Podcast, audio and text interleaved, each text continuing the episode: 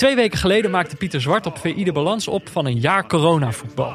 Zonder publiek had het spel minder doelpunten, minder late doelpunten, minder doelpunten van invallers, minder thuisfluiters en minder pressing. Was het dan alleen maar minder? Nee, zonder mensen in het stadion was er wel meer zuivere speeltijd. Meer tijd dus, waarin minder gebeurde. Maar je zou haast vergeten dat er ook een omgekeerd effect is. Van voetballer naar kijker. Bijna 70.000 supporters waren zondag niet aanwezig bij de derby van Casablanca. Een gigantische strijd die hier in Nederland vooral bekend is door de supportersacties die achteraf viraal gaan op het internet. Nergens zouden de lege tribunes meer voelbaar moeten zijn. Maar aan de spelers was niets te merken. Het blijft een lastige balans. Zonder publiek wordt de wedstrijd minder, maar alleen bij een goede wedstrijd kunnen we vergeten dat er geen publiek is.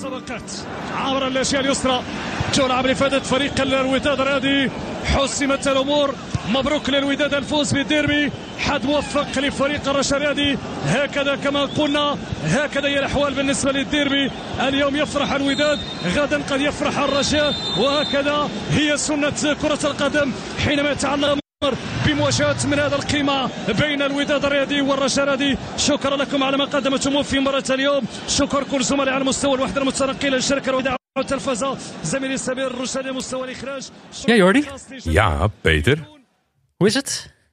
Nou ja, hoe, hoe gaat het met jou, denk ik? Eh, wat wij... eh, Wat wij vorige week hebben meegemaakt. bedoel. ja, ik, ik, ik, kan, ik kan me zo voorstellen dat het bij jou er meer in heeft gehakt dan bij mij. even alle clichés in acht Ja, nemen. Want, dit, moeten we even, dit moeten we denk ik even uitleggen aan de luisteraars. Vorige week eh lekkere opname gehad over de, de Zwanse derby. Mhm. Eh, even in, het, eh, in de lagere regionen van het Belgische voetbal gedoken. Dat beviel heerlijk. Dus wij lopen hier fluitend de studio uit. Stappen op onze fietsen om, om huiswaarts te, te keren. En dat, dat ging goed. Tot wij op een gegeven moment staande werden gehouden. Zo, nou. Was, wij moesten even naar de kant van de weg op onze fietsjes. Ja, ik was vooral verbouwereerd over het feit van, eh, dat eh, blijkbaar mijn voorlamp eh, die deed. Want ik was, ik was er zeker van dat ik verlichting had op mijn fiets. Mhm. Maar dat bleek alleen achter nog te werken. En jij had helemaal geen licht op je fiets. Nee, en daar ging, daar ging het ook om. Er stond, nou ja, er stond een politiebusje. Er, ze stonden aan beide kanten van de weg. Het was echt zo'n groot opgezette controle of mensen wel licht op hun fiets hadden. Nou, en daar volde- voldeden wij niet aan.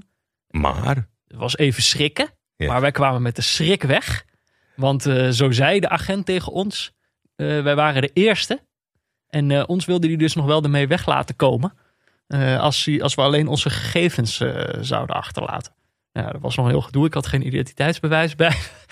Ehm, maar eigenlijk het raarste wat gebeurde... was wat die agent op een gegeven moment tegen jou zei.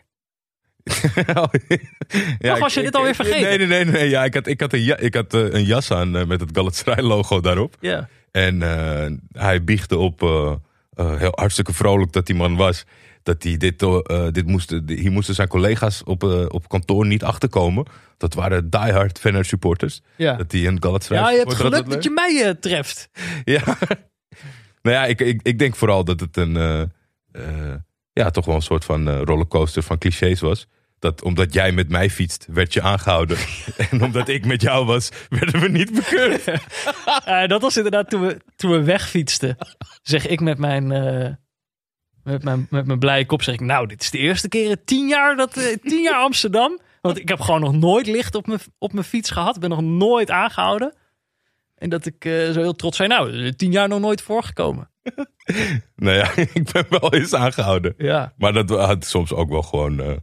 dat had niks te maken met het feit eh, dat de agenten dachten van wat een donker iemand. Maar het was, eh, het rare is eigenlijk, want we kregen er wel iets voor terug. Namelijk, we kregen wel twee fietslampjes. Dus het, wat Voor ik ons heb- was het echt win-win. Wat ik heb geleerd hiervan, is dat fiets, rijden zonder licht wordt beloond. Ik heb geen boete gehad. Ik heb wel opeens twee fietslampjes erbij. Heb je ze nog? Want kijk, in, in, Diemen, in Diemen maak ik me niet zo zorgen over het feit dat ik ga ze niet elke keer erop en eraf halen. Dat vind ik te veel gedoe. Mhm. Daar zit ze ook te strak voor. Maar ja, elke keer als we hier zijn, ik, ik hoop toch, als ik zo naar buiten ga, dat ik ze nog heb. ik- eh, erop en eraf doe ik. Want er komt niet, eh, we krijgen geen tweede kans van deze meneer als we er weer eh, tegemoet fietsen. Ze zitten in mijn jaszak. Dus ik doe ze er straks weer op als we weer straks weer naar huis fietsen. Dan kunnen ze me niet pakken. Ik had gisteren trouwens nog een ontzettend, nou ja, veel, veel meer Diemen wordt een verhaaltje niet, denk ik. Wij hebben bij ons in de straat een, een fantastische toko. Indonesische Mhm. afvalrestaurant. Ja. Bogor Permai. Ja? En eh, ja, op dit moment eh, eh, wordt er ver- verlangd dat je een mondkapje op doet. En dat er maximaal drie mensen binnen staan. Ja, Dus ik kwam aan, paalde een beetje, was wat aan de late kant. Het is een graag geziene locatie in Diemen. Dus dan, als je aan de late kant bent, is er nog, ook nog wel eens het een en ander op. Mhm. Ja, dat hele wachten, dat vind ik niet eens zo erg. Ik kijk naar binnen en dan denk ik, huh? Geen mondkapje. Dat vind ik dan, een beetje in, in deze tijd. En dan maak je ook zo'n uitbater, maak je het lastig door dat soort discussies en dat soort dingen. jij had geen mondkapje bij. Nee, ik, ik had wel een mondkapje, Oh. maar ik stond nog buiten te wachten. Want er waren al drie mensen binnen. Maar die, een van de drie mensen die binnen was, had geen mondkapje op. Spanning. meteen. Ja. Dus ik denk, nou, wat een eikel. Draait zich om, Lange Frans. het, is echt- het is- het is geen grap.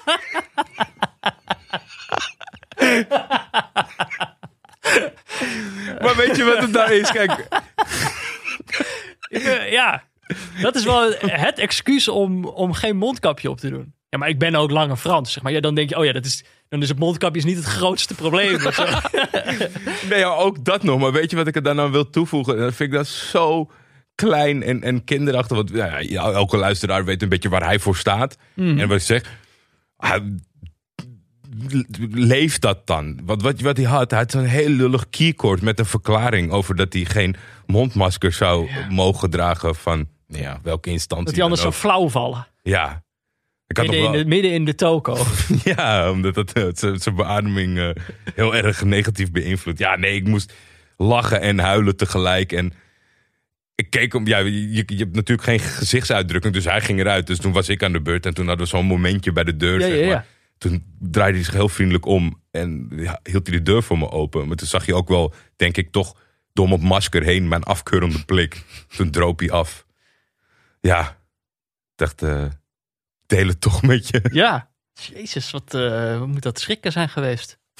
nou, ja, op zich viel het mij. De grootste schrok, eh, schrik was natuurlijk dat hij... Volgens mij is hij al jaren niet meer woonachtig in Diemen.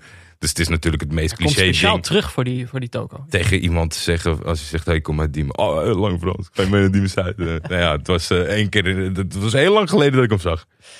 Was het eten goed? Is het eten lekker? Het is altijd goed, Peter. Ik, zal je vertellen. Volgens mij, hij zit daar, vertelde hij me laatst, 17 jaar.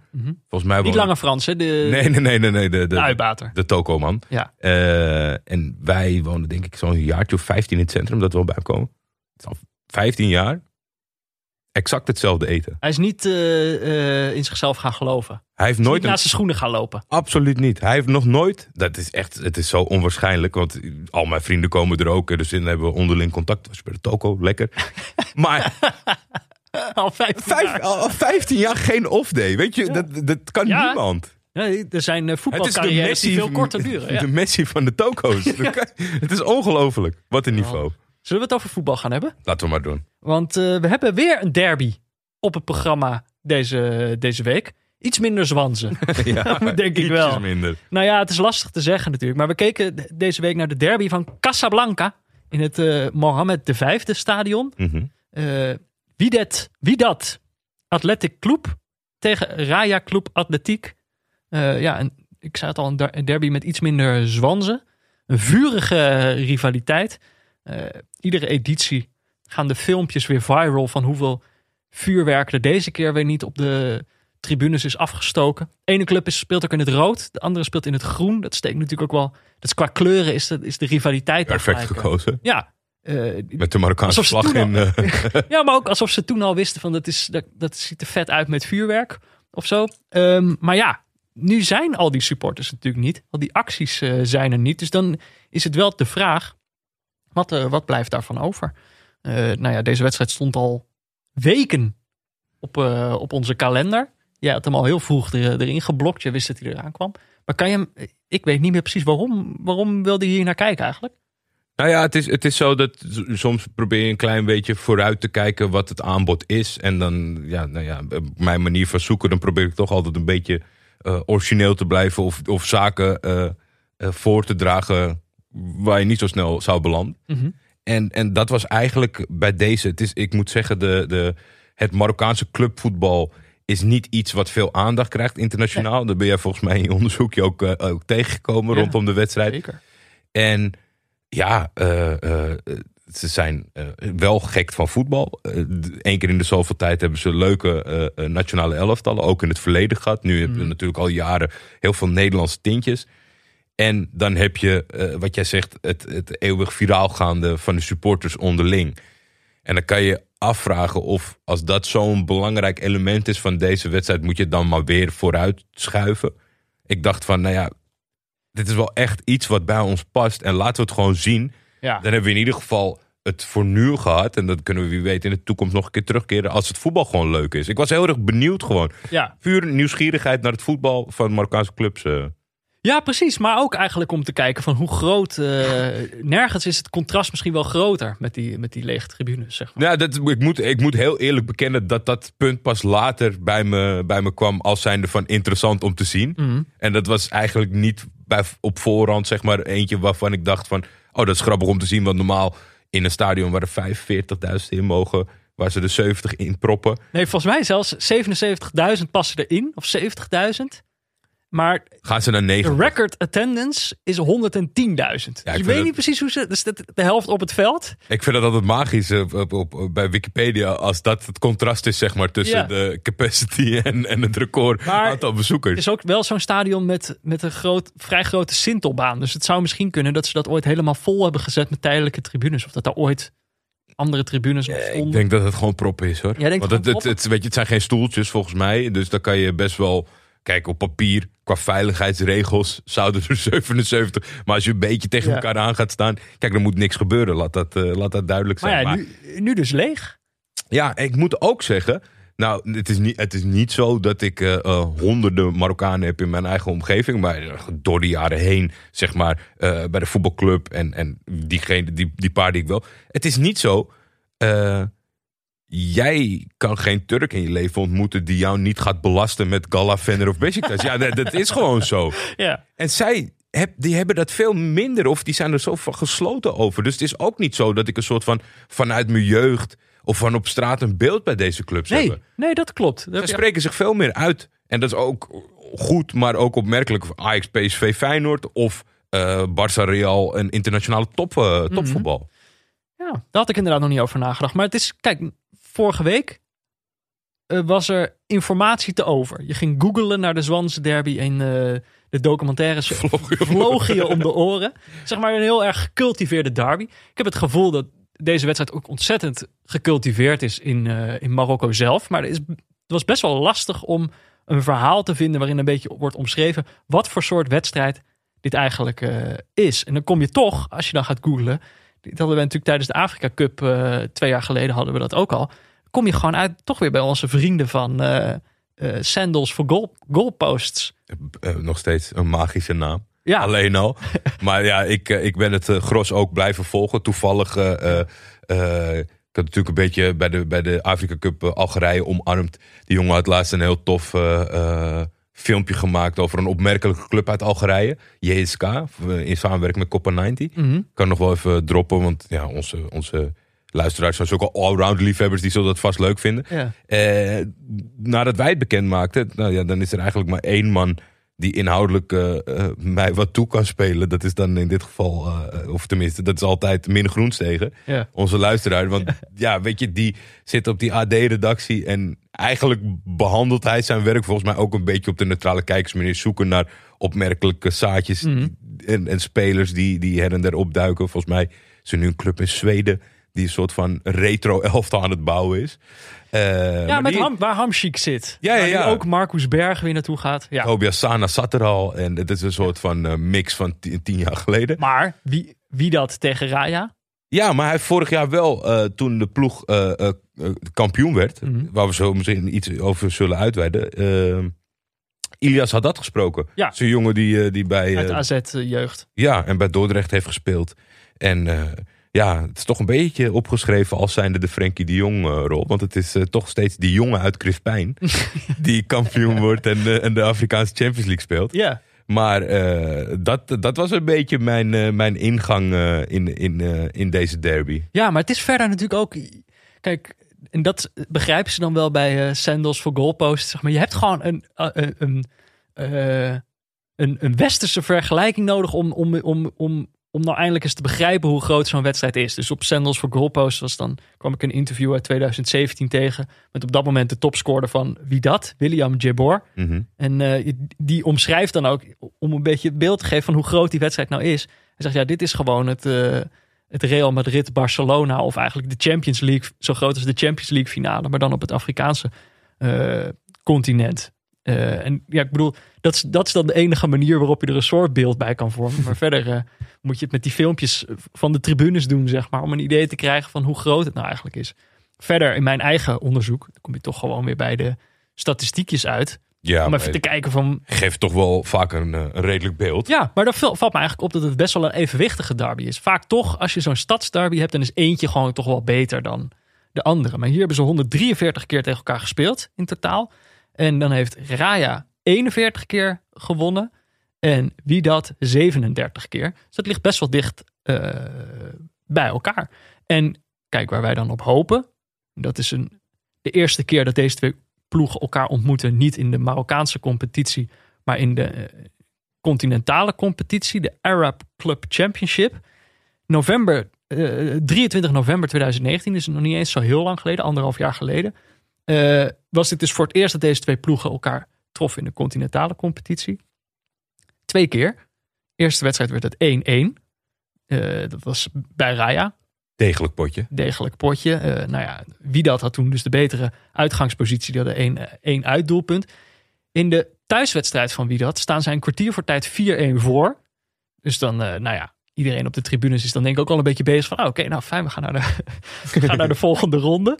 Eh, maar in dat laatste kwartier weet Raya nog, eh, nog drie keer te scoren. Waarvan de laatste keer in de 94ste minuut. Ik zag daarvan ook weer een fragmentje voorbij komen op Twitter. In aanloop naar deze wedstrijd. En dat is dan ook een knotsgekke eindfase. waarin die bal nog binnenvliegt. En inderdaad die bomvolle tribunes ook helemaal leeg, leegstromen. Mensen die, nou ja, niet het veld, maar wel de Sintelbaan eh, oprennen. Ja. In een, ro- een rondje gaan rennen. Maar dit is dus een wedstrijd die nog vers in het geheugen zit tussen deze twee. Eh, 4-4. Eh, op het allerlaatste moment. Knotsgekke wedstrijd. Dat is natuurlijk iets waar wij op hopen. Ja, nee, dat, nu ook wel 4-4. dat zeker. Maar het, is natuurlijk wel opmerkelijk in die zin van eh, eh, net het onderling resultaat wat dicht bij elkaar ligt. En wat zelfs in het voordeel is van Raya. Maar de lijstjes, zeg maar, wat, wat ook een beeld geeft.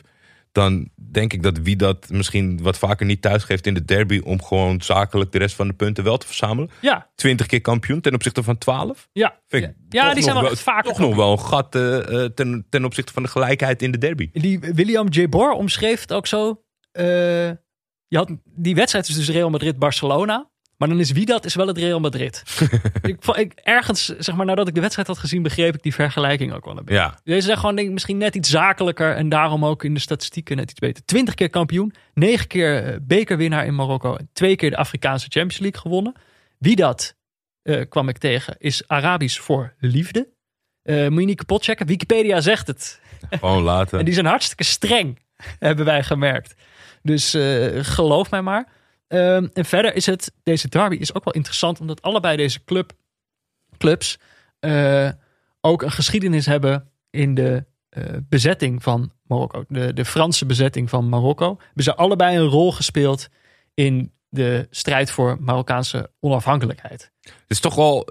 Is dat, is dat niet gek? Omdat meestal bij, Ja, bij rivaliteit. dat eentje wel, eentje niet. Ja, precies. Of, of Ja, maar een ander, andere uitgangspositie. Het is, zo, het is zo raar dat je dan toch nog elkaar eh, gaandeweg bent gaan haten. terwijl je ooit samen eh, voor iets aan het strijden was. Ja, maar kijk, dat is natuurlijk ook. Ik ben, ik ben Misschien hebben we gewoon wel een, een. eh, historicus nodig met Marokkaanse roots. die ons dit even toelicht. Ja. Maar, want voor- wat dat betreft ben ik natuurlijk ook echt wel een, een, een leek. Weet ik ook niet per se waarover ik het heb. Maar ik heb het gevoel dat die rivaliteit er ook uit bestaat van wie is nou eigenlijk het belangrijkst geweest. in dat verzet. Ja, en wie is nou echt geweest? Weet je wel? Wie was daarin nou echt? En wie, eh, wie probeert die eerst zich een beetje. Ik kan me voorstellen dat ook dat juist een.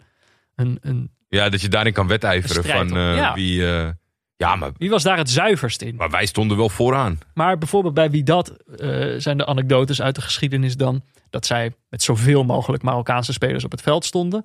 Eh, dat ze bijvoorbeeld ook weigerden te spelen in een eh, Noord-Afrikaanse cup als de Marokkaanse vlag niet werd gehesen. Maar de Franse vlag. Of als de Marseillaise werd gespeeld. Dit is dan ook weer een anekdote die je niet kan checken, maar die je misschien ook niet kapot moet checken. Dat een speler van wie dat tijdens de Marseillaise he- heeft geplast op het veld in de richting van de, de, de muzikanten. Eh, maar goed, is een symbolische. eh, kijk, zeg maar, zij konden door middel van die club symbolisch winnen van hun eh, bezetter. Die rol hebben zij gespeeld. Inmiddels, het moderne wie dat staat onder leiding van de Tunesische Fawzi Benzarti. Dat is een bekende naam voor ons. Tenminste, hij kwam mij ook bekend voor. Het is namelijk een beetje de Noord-Afrikaanse Huub Stevens. Ja, en wij kennen de Huub Stevens van elk land. Hij is zes keer manager geweest van Etoile du Sahel uit Tunesië. Vijf keer manager van Esperance, ook uit Tunesië. Eh, en dit is alweer zijn derde keer bij Wie Dat. Dus het is echt een club, eh, clubhopper. Opper. Maar ook in dat hoppen dan nog wel redelijk trouw.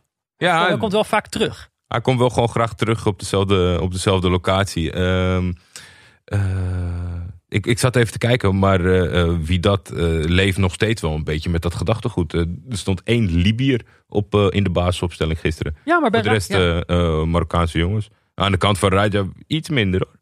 Even kijken, een buitenlandse spits. Een buitenlandse verdediger. iets nation- internationaler. Ja, ja, maar over het algemeen wel redelijk Marokkaans getint, eh, de, de, de competitie. Ja. eh Raja aan de andere kant, twaalf keer kampioen, acht keer bekerwinnaar. Tegenover dus die negen van, eh van wie dat. En drie keer de Afrikaanse Champions League gewonnen. Dus continentaal hebben ze meer succes geboekt dan eh, wie dat. Ze hebben in ne- 2013 ook nog de finale van het WK voor clubs bereikt. Toen eh, verloren ze van Bayern München, als ik het goed heb. Zij waren volgens mij ook bij de eerste editie.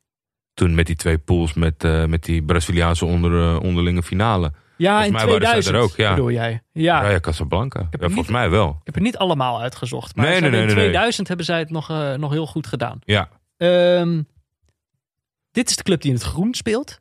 Bij deze kon ik ook echt vinden dat ze een mascotte hebben. Ze hebben in het logo ook een groene adelaar. Dat is ook de mascotte. Ja. Zo, ik heb jou nog een foto gestuurd. Een soort eh krokie avant la lettre. zo, zo ik, eh, ik zag hem op jouw foto van de achterkant. Ik kon me niet beheersen om ook even de voorkant. Mhm. eh, jullie zullen niet eh, disappointed zijn deze week op Instagram. de, de groene adelaars. Nou ja, dus ook een symbool van het Marokkaanse verzet. Ze werden in 1949 opgericht. En hier zit dan misschien wel het verschil in, maar dat zou iemand dan voor ons moeten duiden. eh, door de hoofden van verschillende Marokkaanse vakbonden. Dus het zou misschien wel kunnen eh, dat wie dat misschien meer de, de, de club is van de hogere klasse en dat Raja de club is van de, de arbeidersklasse van Ja. Zou kunnen, weet ik niet zeker. Een verdere naam die vaak voorbij komt als je zoekt op deze ploeg is Per Jego. Eh, dit zal voor sommigen misschien een heel bekende naam zijn, maar het is een belangrijke figuur in de geschiedenis van zowel het Marokkaanse voetbal als in de geschiedenis van deze club. En bij de oprichting van deze club werd wie dat omschreven, dus zeg maar de grote tegenstander wie dat, de tegenpol, dat was meer een ploeg met de Europese stijl. En Raja moest dan meer een ploeg worden met de Zuid-Amerikaanse, Braziliaanse stijl. Met eh, meer kunstzinnige voetballers. Zeg maar. is toch rottig als je, als je, als je een ding is eh, tegen het verzet van de Europese bezetting. Dat Ja. jij dan de Europese, de Europese stijl eh, wordt. eh, Nou ja, dit, dit, deed dus Per hè, dus die heeft het dan natuurlijk wel over de, over de tegenstander. Dus, Ja. eh, Is overigens wel dat, dat, dat artiesten en Braziliaanse stijl.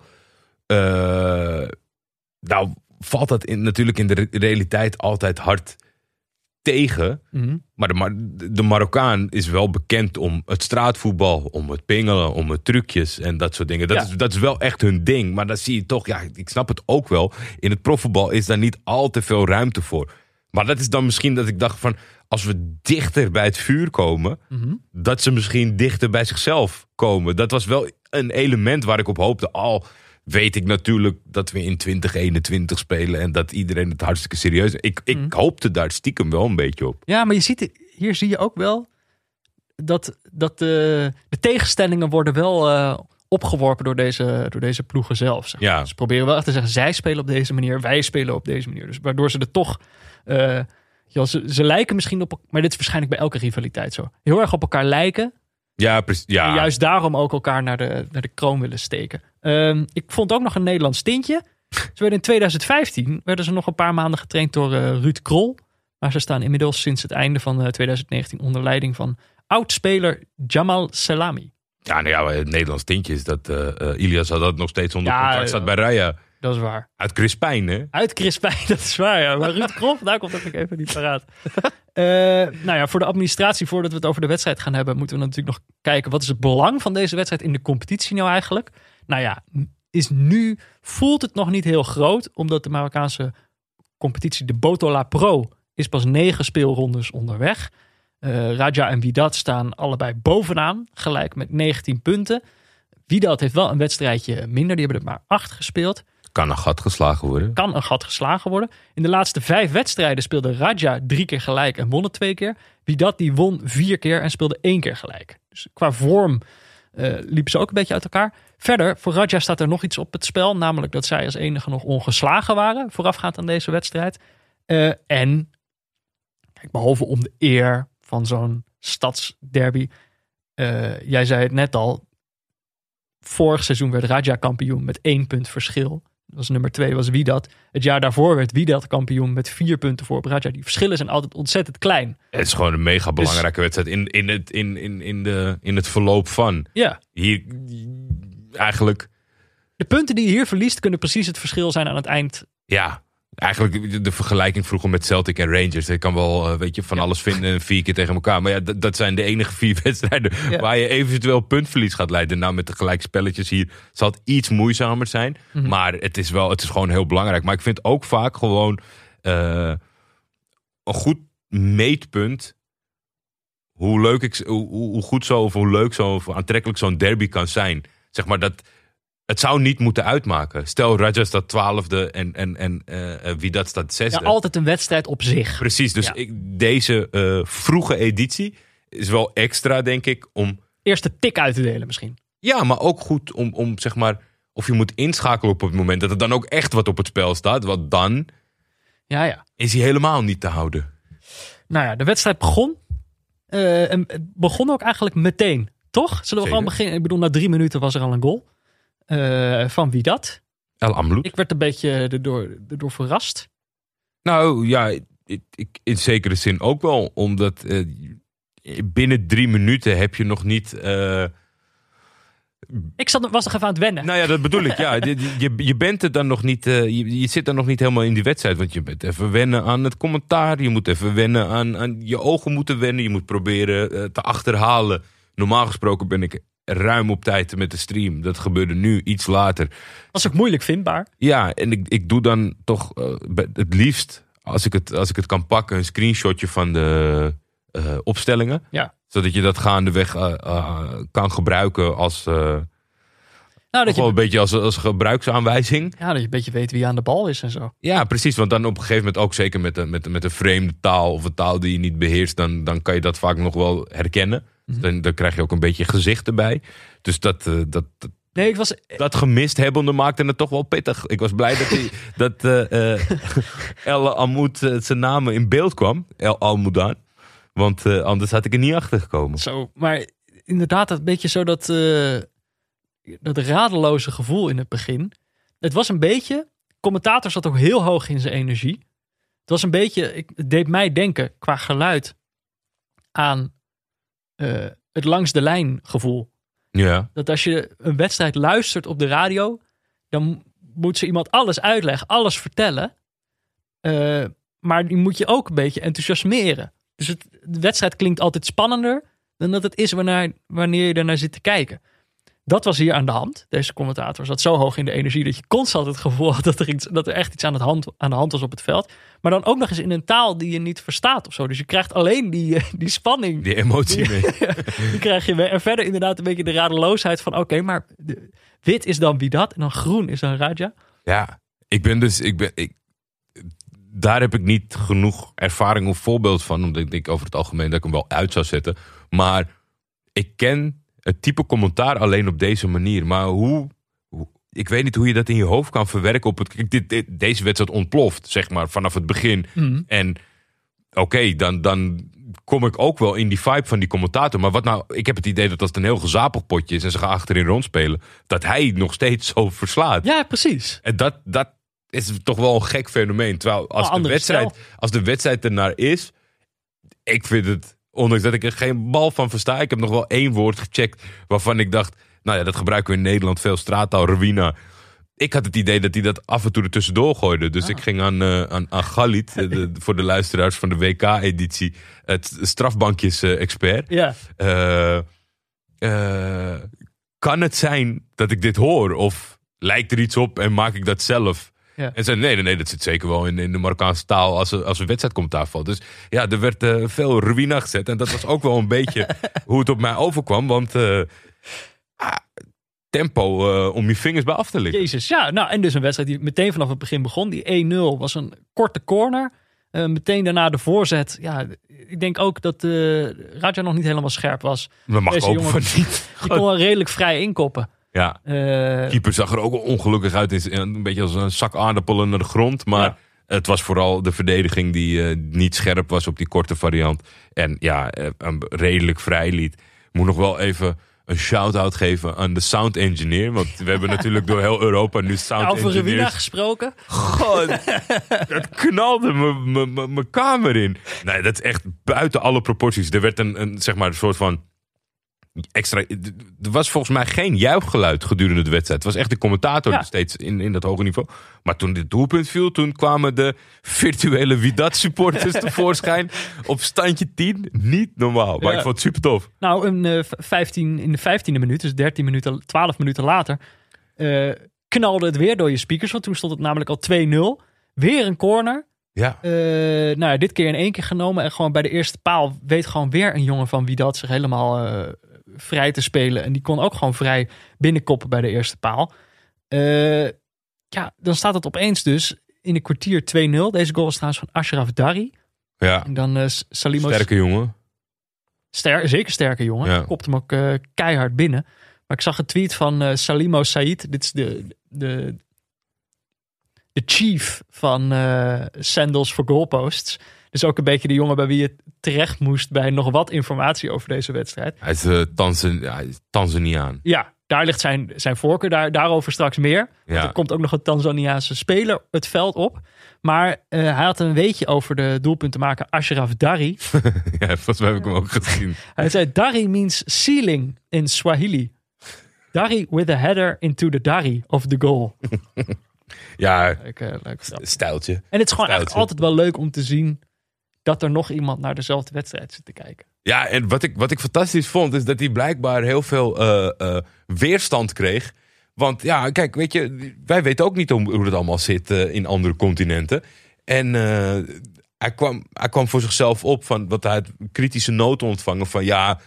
Bemoei jij lekker met de competitie van Tanzania? jij weet helemaal niks over de Marokkaanse competitie. En daar ging je dus heel erg tegen in. Ah, ja. En dat vond ik wel een leuke dynamiek. Dat, eh, ja, ik, ik- dat account en, en die jongens die, die, die, die doen dat gewoon fantastisch. En het is echt, als deze wedstrijd bijvoorbeeld of dit gesprek je aanspreekt. Weet je, het is een heel fijn handvat. Ja. Je weet niks, hè? Ik- Je moet, iets, je moet een gids hebben door die wereld. ja, en het is niet. Het is echt wel. eh, dit continent wat mij. eh, al mijn zelfvertrouwen de, de jaren opgelopen als zijnde van. Oh, ik ken die en ik ook weet dit. Ik weet helemaal niks, man. Ik Ja. weet echt helemaal Je niks. wordt als man. neutrale kijker word je echt in het diepe Ja. gedonderd bij zo'n wedstrijd. Zoek het maar uit. Het is gewoon echt nog een heel ander level. Dat hebben wij, hebben wij nog een Afrika Cup.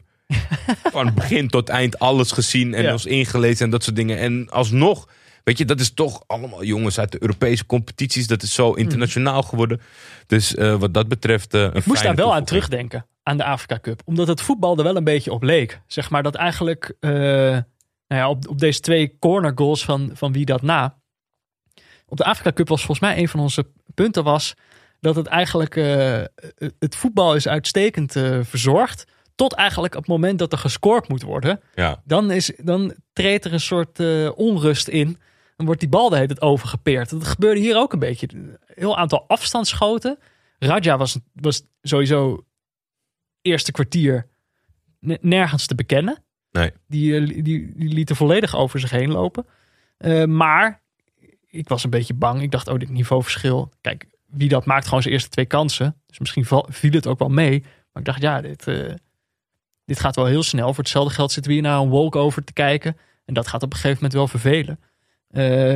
Maar ik had wel het gevoel dat de wedstrijd zich een beetje herstelde naar de rust toe.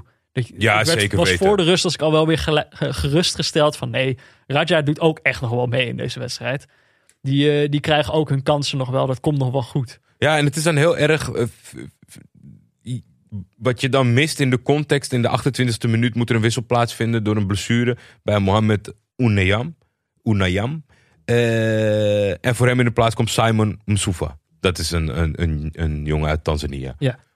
Simon. Maar je hebt geen, je hebt geen enkel eh, idee of wie dat zwaar geraakt is door het vertrek van Mohammed. Nee, precies. Dus dat is, dat is dan moeilijk in de context plaatsen. Eh, Simon had een goede blik in zijn ogen.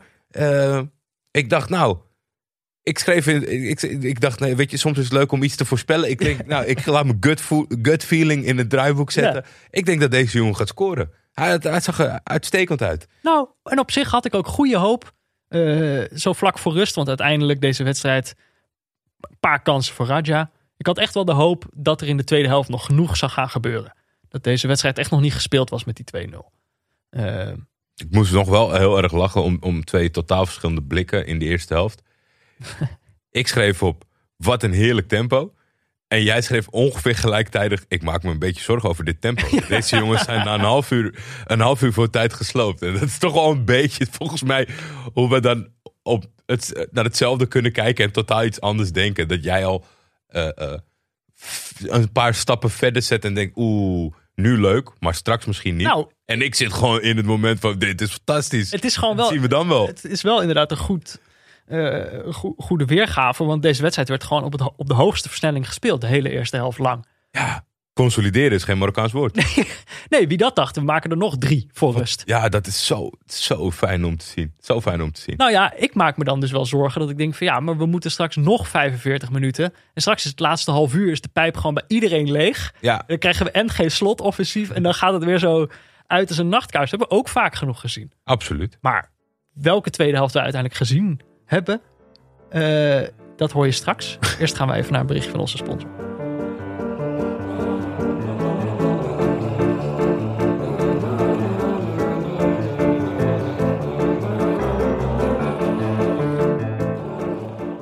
Ja, Want ook deze aflevering van Neutrale Kijkers wordt natuurlijk mede mogelijk gemaakt door Auto.nl, de webshop waar je een auto kan bestellen.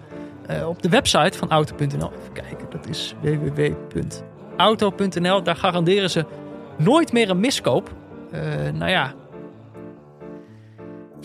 Had de voetbalwedstrijd, of had de voetbalwereld dat, eh, die luxe maar. Ja, dat betreft toch elke... Ik, ik, we weten dat, eh, dat ze bij Auto.nl best wel gek zijn op, op het spelletje. Mhm.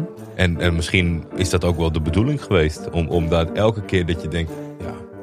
Dat is, dat is eigenlijk wat ze nodig hebben. Of wat we nodig hebben. Want ja, je kan het gewoon... Als je voetbal volgt... Kan je je niet voorstellen hoe, hoe een voetbalwereld zou zijn zonder miskoop. Dat kan gewoon niet. Het is, Dat is, Nee. dat is 90% van... eh, het is zo'n beetje de kern van het voetbal. ja, miskopen. Nou. Ik heb wel ik heb een deel die je dan even moet uitleggen. Als we het toch over een, Mar- over een Marokkaanse wedstrijd hebben, moeten we het ook maar misschien even hebben over een Marokkaanse voetballer. Die tot voor kort, een, toch moet ik zeggen, een contract had bij jouw club. klopt. Galatasaray. Younes Belhanda hebben we het over. Ja, Younes. Wat is daar gebeurd? Eh, Younes Belhanda heeft zich eh, in de ogen van het bestuur zijn boekje is hij te buiten gegaan. Younes is natuurlijk een jongen die een beetje zijn eigen gang gaat. Disciplinair eh, eh, problematisch kan zijn. Wel een fantastische voetballer om te zien. Heel begenadigd eh, eh, talent. Volgens mij heb ik hem nog een omhaal zien maken. Zeker, zeker. Maar dat, dat, dat is het, dat is het. Het is ook zeker niet het, het gebrek aan, aan, aan talent bij deze jongen. Maar het is toch vaak moeilijk om dat structureel te laten zien. Om, om arbeid in de wedstrijd. En als er één trainer is, zeg maar, die, die, die het, het beste in zo'n jongen zou kunnen halen. Dan is dat Fatih Terim. En dan heeft hij natuurlijk het, het, het, het boos worden, de, de, de kwade vader. En dan ook weer omhelzen, de lieve vader. En alle Galatasaray supporters die snapten er geen reet van. Maar hij was echt, hij heeft hem, heeft al zijn energie in deze jongen gestoken en is continu achter hem blijven staan terwijl het op het veld niet zo goed lukte. Maar dan gebeurt er op de achtergrond gebeurt er veel tussen de bedrijven door. Eh, een incidentje met supporters qua, qua reacties. Eh, de, de tegenstander, rivaal vaak belachelijk maken. Uitdagen. Een paar keer echt over de schreef gaan tussen de lijnen. Rode kaarten, meermaals. En nou is het zo dat het bestuur, gezien het verloop van de competitie, eh, het zwaar heeft. Ja. De druk voelt van de aanstaande presidentsverkiezingen. Mhm. En die dacht, Belhanda, die geeft nu een interview. En daarin maakt hij eh, eh, het grasveld van het thuisstadion belachelijk. En toen refereerde hij ernaar dat al onze eh, bestuursleden en president zich eh, eh, bevinden in, op social media. Mhm. Zei hij misschien, maar dat weet ik niet zeker. Zouden ze een keer naar het veld kunnen kijken in plaats van lekker twitteren en instagrammen. nou, dat was, dat was voor dit bestuur. Dat was de druppel. De druppel. Dus je hebt het zeg maar een jongen die vaak on- ongedisciplineerd heeft gedaan. Van alles heeft gedaan waarvan je een case zou kunnen maken. Mhm. Maar toen hij ze beledigde, denk ik dat het mechanisme was van... hey, supporters, heel veel supporters zien het niet in hem zitten. Wij maken nu een statement en ontslaan hem. En dan gaan de supporters juichen. Ja, want dit is het gevolg daarvan. Wat gebeurde? Ze hebben zijn contract ontbonden.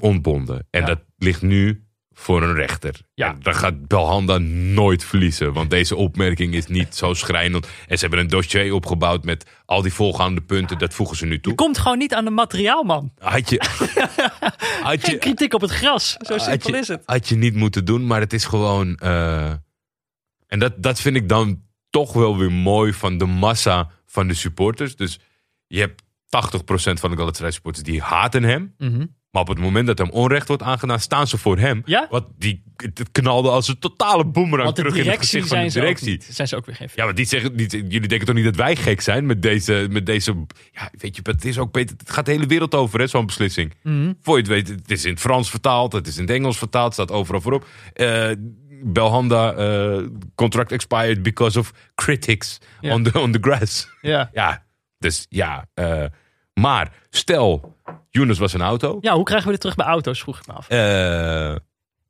ik, denk, eh, ik denk niet dat Auto.nl eh, hiervoor zou gaan. Ik, ik zie in Auto.nl geen Fatih Terim die heel veel tijd en energie gaat steken om dat kleine beetje potentie wat er in een auto zit. Er is natuurlijk een gigantisch aanbod. Mhm. Kijk, weet je wat het is als behandelen een auto is? Dat is gewoon dat als je heerlijk eh, op je cruise control 110 over de, over de ring aan het rijden bent.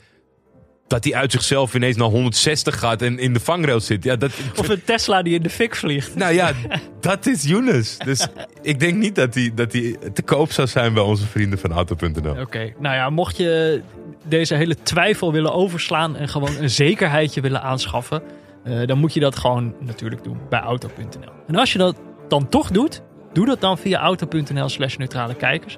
Dat is gewoon, kijk, daar, daar kunnen wij mee aankomen. Als er via onze podcast een auto is gekocht, kijk, een zakje noten, ben ik ook al trots op, maar een auto, auto.nl slash neutrale kijkers.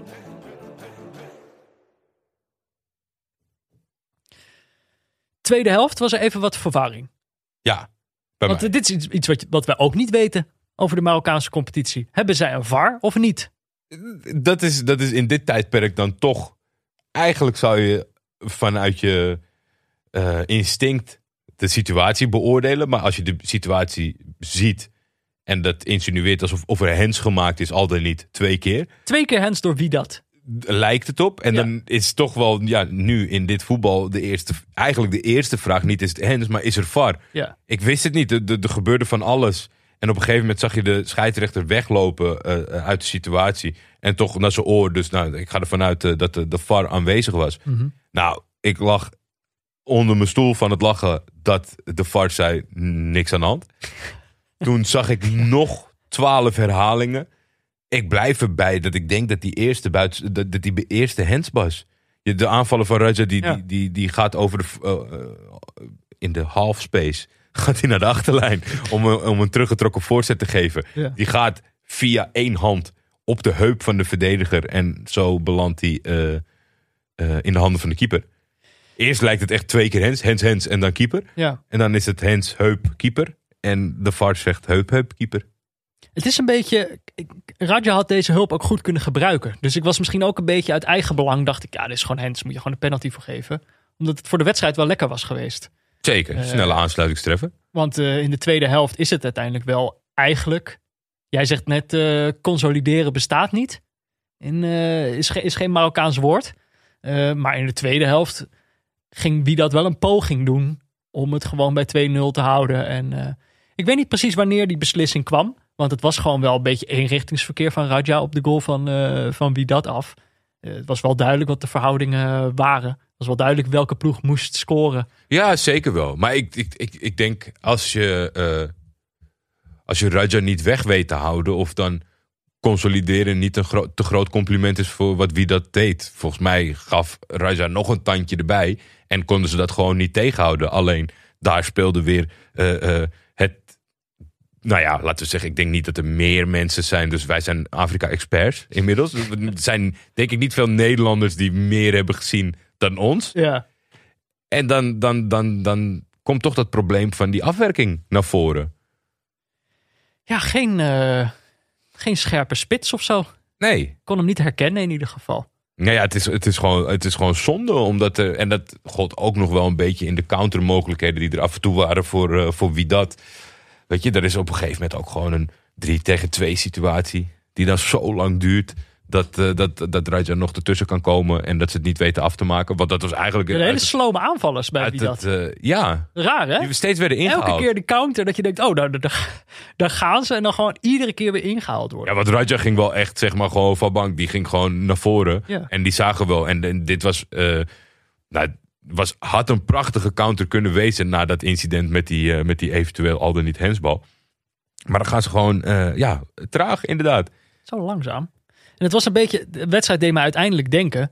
Want, nou ja, ik zal gewoon nu alvast de eindstand eh, verklappen. Het blijft gewoon 2-0. Mhm. En het deed mij gewoon een beetje. Ik had voorafgaand aan deze wedstrijd had ik een stukje gezien van AZ PSV. En iedereen die die wedstrijd heeft gezien, die zal beamen dat het echt een wonder was dat PSV niet heeft gescoord in die wedstrijd. Het was echt absurd. Zoveel kansen. Dat was hier eigenlijk ook zo. Als je ze allemaal op een rijtje zet, die kansen, dan snap je gewoon niet dat, dat er niet eentje ingegaan is. Ik bedoel, ook zonder echt een goede spits hadden ze er gewoon eentje moeten maken. En volgens mij had je het punt nog niet neergezet en toen schoot Raja weer op de paal. Ja, ja. Dus ja, dat, dat, is gewoon een, goed beeld. Het, het, is, het, het is een eh, hele leuke ploeg voor de neutrale kijker. En ze zouden zichzelf eh, echt een, eh, ja, het zichzelf zo veel makkelijker kunnen maken door, door aan die afwerking. Want ja, hier heb je niet zoveel aan. En ik, dan valt op een gegeven moment toch wel het beeld van Real Madrid of de Europese stijl van dat zo'n wie dat overeind blijft en Ja. toch even twee dode spelmomenten eh, eruit pikt. Wel staan wat dat betreft. Precies, die, dat beeld werd wel bevestigd inderdaad. En ehm, verder, wat je Raja dan wel moet nageven, is dat ze het gewoon de hele tweede helft zijn blijven proberen, ondanks al die gemiste kansen. Dat was volgens mij wel het effect. Kijk, als je alle keer 4-4 hebt gespeeld in het laatste kwartier, je drie keer hebt gescoord, dan, ga je niet, dan, ga- dan moet er wel heel veel geks gebeuren, wil je gaan opgeven. Ja. Dan ga je gewoon maar door. Nee, maar ik, ik, ik vind dat ook. eh, alle voetballiefhebbers of, of die daar onderdeel van zijn. eh, eh, vanaf een bepaalde leeftijd op een gegeven moment zullen er wel jonkies komen die het niet meer zullen weten. Maar als jij ooit Manchester United hebt zien winnen van Bayern München in de finale. Mhm. In de blessuretijd. Ja, de- En twee doelpunten. Je blijft altijd geloven. Nou ja, er is. Kijk, bij 4-0. Dan mag je van mij best in de 80ste, 85ste minuut. gas terugnemen, schouders ophalen. En jongens, nou, we hebben ons best gedaan. Als je dat tegen jezelf kan zeggen, we hebben ons best gedaan. Het is 4-0. Dat gaat niet meer gebeuren. Maar in principe moet je toch nooit opgeven. Er is, Nee. het, kan, het kan gewoon Een doelpunt 20 maken kost niet zoveel tijd. 20, 30 seconden. Ja, Als het echt allemaal goed valt en het is je gunt, dan is het zo weinig tijd. ja. Dus het kan. Maar het is inderdaad. eh, even kijken, wat wou ik nou zeggen? Ehm, Maar ik heb het helemaal niet meer gehad over Simon, die, waarvan ik dacht eh, dat hij zou scoren. Oh En die werd, dit is een raar moment. Die werd ook weer gewisseld. Dus hij was invaller en hij werd ook weer gewisseld tijdens de wedstrijd. Ja. En dan was het super tof om te zien. Dat werd uitgelicht dat hij de trainer gewoon bedankte. Dat hij heel normaal met zijn wissel omging. Want normaal gesproken is dit het moment waar je een waterzak omschopt. Of de, je trainer in zijn gezicht spuugt. Ja, of de catacombe instormt. Ja, precies. Gewoon woede Ja. en, en onrecht. Maar hij nam het heel goed. Maar dat komt ook toch wel omdat ik denk dat Simon wel weet wat hij zelf op de mat heeft gebracht eh, in Ja. zijn invalbeurt. Het kon gewoon echt niet. En dan denk ik, zo'n trainer, dat hij gewoon de afweging maakt van ja, nou, die andere is misschien minder fit. Maar wat deze gozer vandaag laat zien kan echt niet. Dus ja, ik haal hem er maar weer af. Hij was echt zo slecht. Wat ik wou zeggen trouwens, nou weet ik het weer. Mhm. Is dat ik me de eerste helft dus zorgen maakte van ja, dit tempo. De- je loopt jezelf leeg en dan eh, kan je het laatste half uur niet meer. Daar was niks van te zien, Nee, de tweede helft. En dat is denk ik wel het grootste compliment dat je deze wedstrijd kan geven. Dat is denk ik ook een beetje mijn conclusie. Dat eh, het, het voetbal in Europa kan soms gewoon een beetje mat lijken in deze tijd. Mhm. En we, wij hebben echt wel wat, eh, wat krakers opgezocht, zeg maar. Waar, waar het echt had moeten knetteren en dat het gewoon totaal niet gebeurde. Nee. En de, hier eh, hadden die spelers er helemaal geen last van. en het stond ook het, het feit Enorm tempo. Ja, en ja, dat- het zal heel lastig zijn voor iemand die voor één voor beide clubs is. Maar feitelijk stond er nog niet zoveel op het spel. Ja, altijd de eer, altijd de, de Ja. historie, Ja, ja, ja. Dat, dat buiten. Dus ik, Maar als neutrale kijker gezegd zeg je, joh, je hebt nog de hele competitie, komt wel goed. ja, en dat is, dat is ook gewoon wel de realiteit. Maar ja, als je je wil meemeten in de wereldderbies, dan, dan is dat misschien een moeilijk punt. Maar feitelijk wel zo. En dan toch dit op de mat leggen. Ik heb, ik heb me ja, echt ontzettend vermaakt de hele tijd. En eh, ik doe hem heel graag over eh, met publiek. Maar sowieso eh, eh, interessant om misschien eh, elders op het continent te kijken. Ik vond, eh, ik had wel het gevoel... Behalve Tanzania. Elf van Simon, dat kan ik niet handelen. Ik had wel het gevoel, eh, want op zich, kijk, we hebben genoeg wedstrijden gezien waar wij zitten te mopperen. Dat je gewoon denkt van ja, hallo. Dat je naar die spelers kijkt en denk je, hallo, het is, er staat wel gewoon nog echt iets op het spel. En dat gevoel heb ik hier niet gehad. Maar ik had wel het gevoel, en dat, dat ligt gewoon aan het eh, eh, ontbreken van het publiek. Je het gevoel had dat deze wedstrijd net niet helemaal, zeg maar, tempo was hoog. Spelers waren intens. Maar ze werden net niet over het randje gepusht. Nee. best wel, ze waren best wel beleefd. Ze gingen goed met elkaar om. Ze gingen er hard in. Ik heb best wel wat tackles gezien. Maar ze, Niet normaal. Ik schreef op een gegeven moment in de tweede helft... werd er eentje echt op zijn middenrif eh, geschopt. Ja. Dat ik denk van nou... Als er wat gaat gebeuren, dan moet toch nu wel. nee, het was wel eh, vriendelijk. Handje, scheidsrechter, de scheidsrechter was echt goed. Was helemaal niet nadrukkelijk aanwezig als een natuurlijke leider. Maar nou ja, werd een handje gegeven. Gozer strompelde terug naar zijn positie. Werd een vrije trap genomen. Was helemaal niks aan de hand. Ik, ik, ik, ik zeg echt, dit in de Super League? Nou, dan kan je echt gewoon gaan, gaan douchen, gaan plassen, thee gaan zetten voordat er weer een 30 keer, minuten blessuretijd. voordat er een keer weer een bal rolt hoor. Dat is, dat is het moment om iedereen gek te maken, van alles erbij te halen. Ja, Nee, super netjes. ik had dus het gevoel dat deze wedstrijd net niet... Misschien was dat het. Deze, deze wedstrijd misschien alleen echt over de kop had kunnen gaan als er publiek bij was. En dat dat, dat gewoon niet gebeurt op het moment dat er niet 70.000 mensen zitten te schreeuwen dat je iemand moet mappen. Ja. Dat is gewoon, dat soort domme dingen doe je misschien echt alleen maar als, eh, als er zoveel chaos is. Oh, dikke min-min trouwens voor het eh, Twitter-account van Vidat. Die doen de opstelling en, en de vooraankondigingen in een soort eh, Disney Aladdin-stijl. Dat ziet er toch niet uit? Nee, ja, dat is dan inderdaad, je Neem wil weten wat de club- opstellingen Neem zijn. je eigen club een beetje serieus. Ja. Ja, Raja die had helemaal mooi. Die had een opstelling met foto's. Geen namen. Nou, bedankt. Voor de neutrale kijker, je moet ook een beetje rekening met ons houden. Ja, Ik snap ik, wel dat je volgers weten wie dat Kijk, zijn, maar wat- ik heb geen idee. wat Ajax en wat ze in Europa doen nu, of op nummer volgorde, of op alfabeets voor. Het is Ja. allemaal scheidirritant, maar je komt er uiteindelijk wel uit met die puzzel. Maar foto's, Wat is er dan? mis met gewoon een opstellingje? ja, Toch? gewoon zo, gewoon zo getekend. Ja, 4-3-3. zo moeilijk is het niet. Ik vind ook filmpjes donderop. Ja, Gewoon een plaatje, klaar. maar hier had ze ook met social media helemaal uitgepakt, toch? Dit was ook, eh, jij, jij moest even aan het Salimo Said vragen wat, wat, de, wat precies de beef was tussen deze twee social media kanalen. ja Want nou, Widat en Raja gingen elkaar online gingen ze elkaar nog, zaten de social media managers elkaar nog te bestoken. Ja, de, de, de, de Bundesliga-accounts zijn de hele wereld eh, zeg maar aan het veroveren qua virus. Dat is vergiftigen. Ja, vergiftigen, dat is het juiste woord. Online lol. Alleen, ja, ik werd een beetje getriggerd. En ik snap ook wel dat je dan, dat, dat dan lastig over te brengen is in die zin.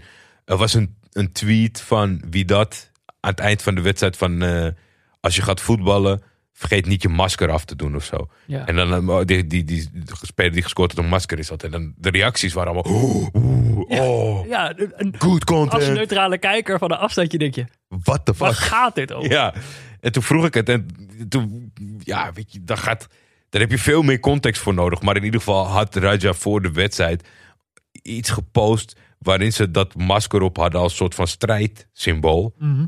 En toen maakte zij het feit dat het, dat maskertje belachelijk is hoe ik het eruit haalde. Maar ik denk dat dit maar 1% is van het verhaal. Ja, ja, ja, dat we net niet de hele context weten. Is het niet ook zo, bedenk me nu pas, is dat wij hebben het publiek soms ook een beetje nodig als gids. Kijk, in zo'n wedstrijd weten wij soms niet precies wat we ervan moeten vinden. Omdat je als neutrale kijker gewoon in het, eh, in het diepe gegooid bent.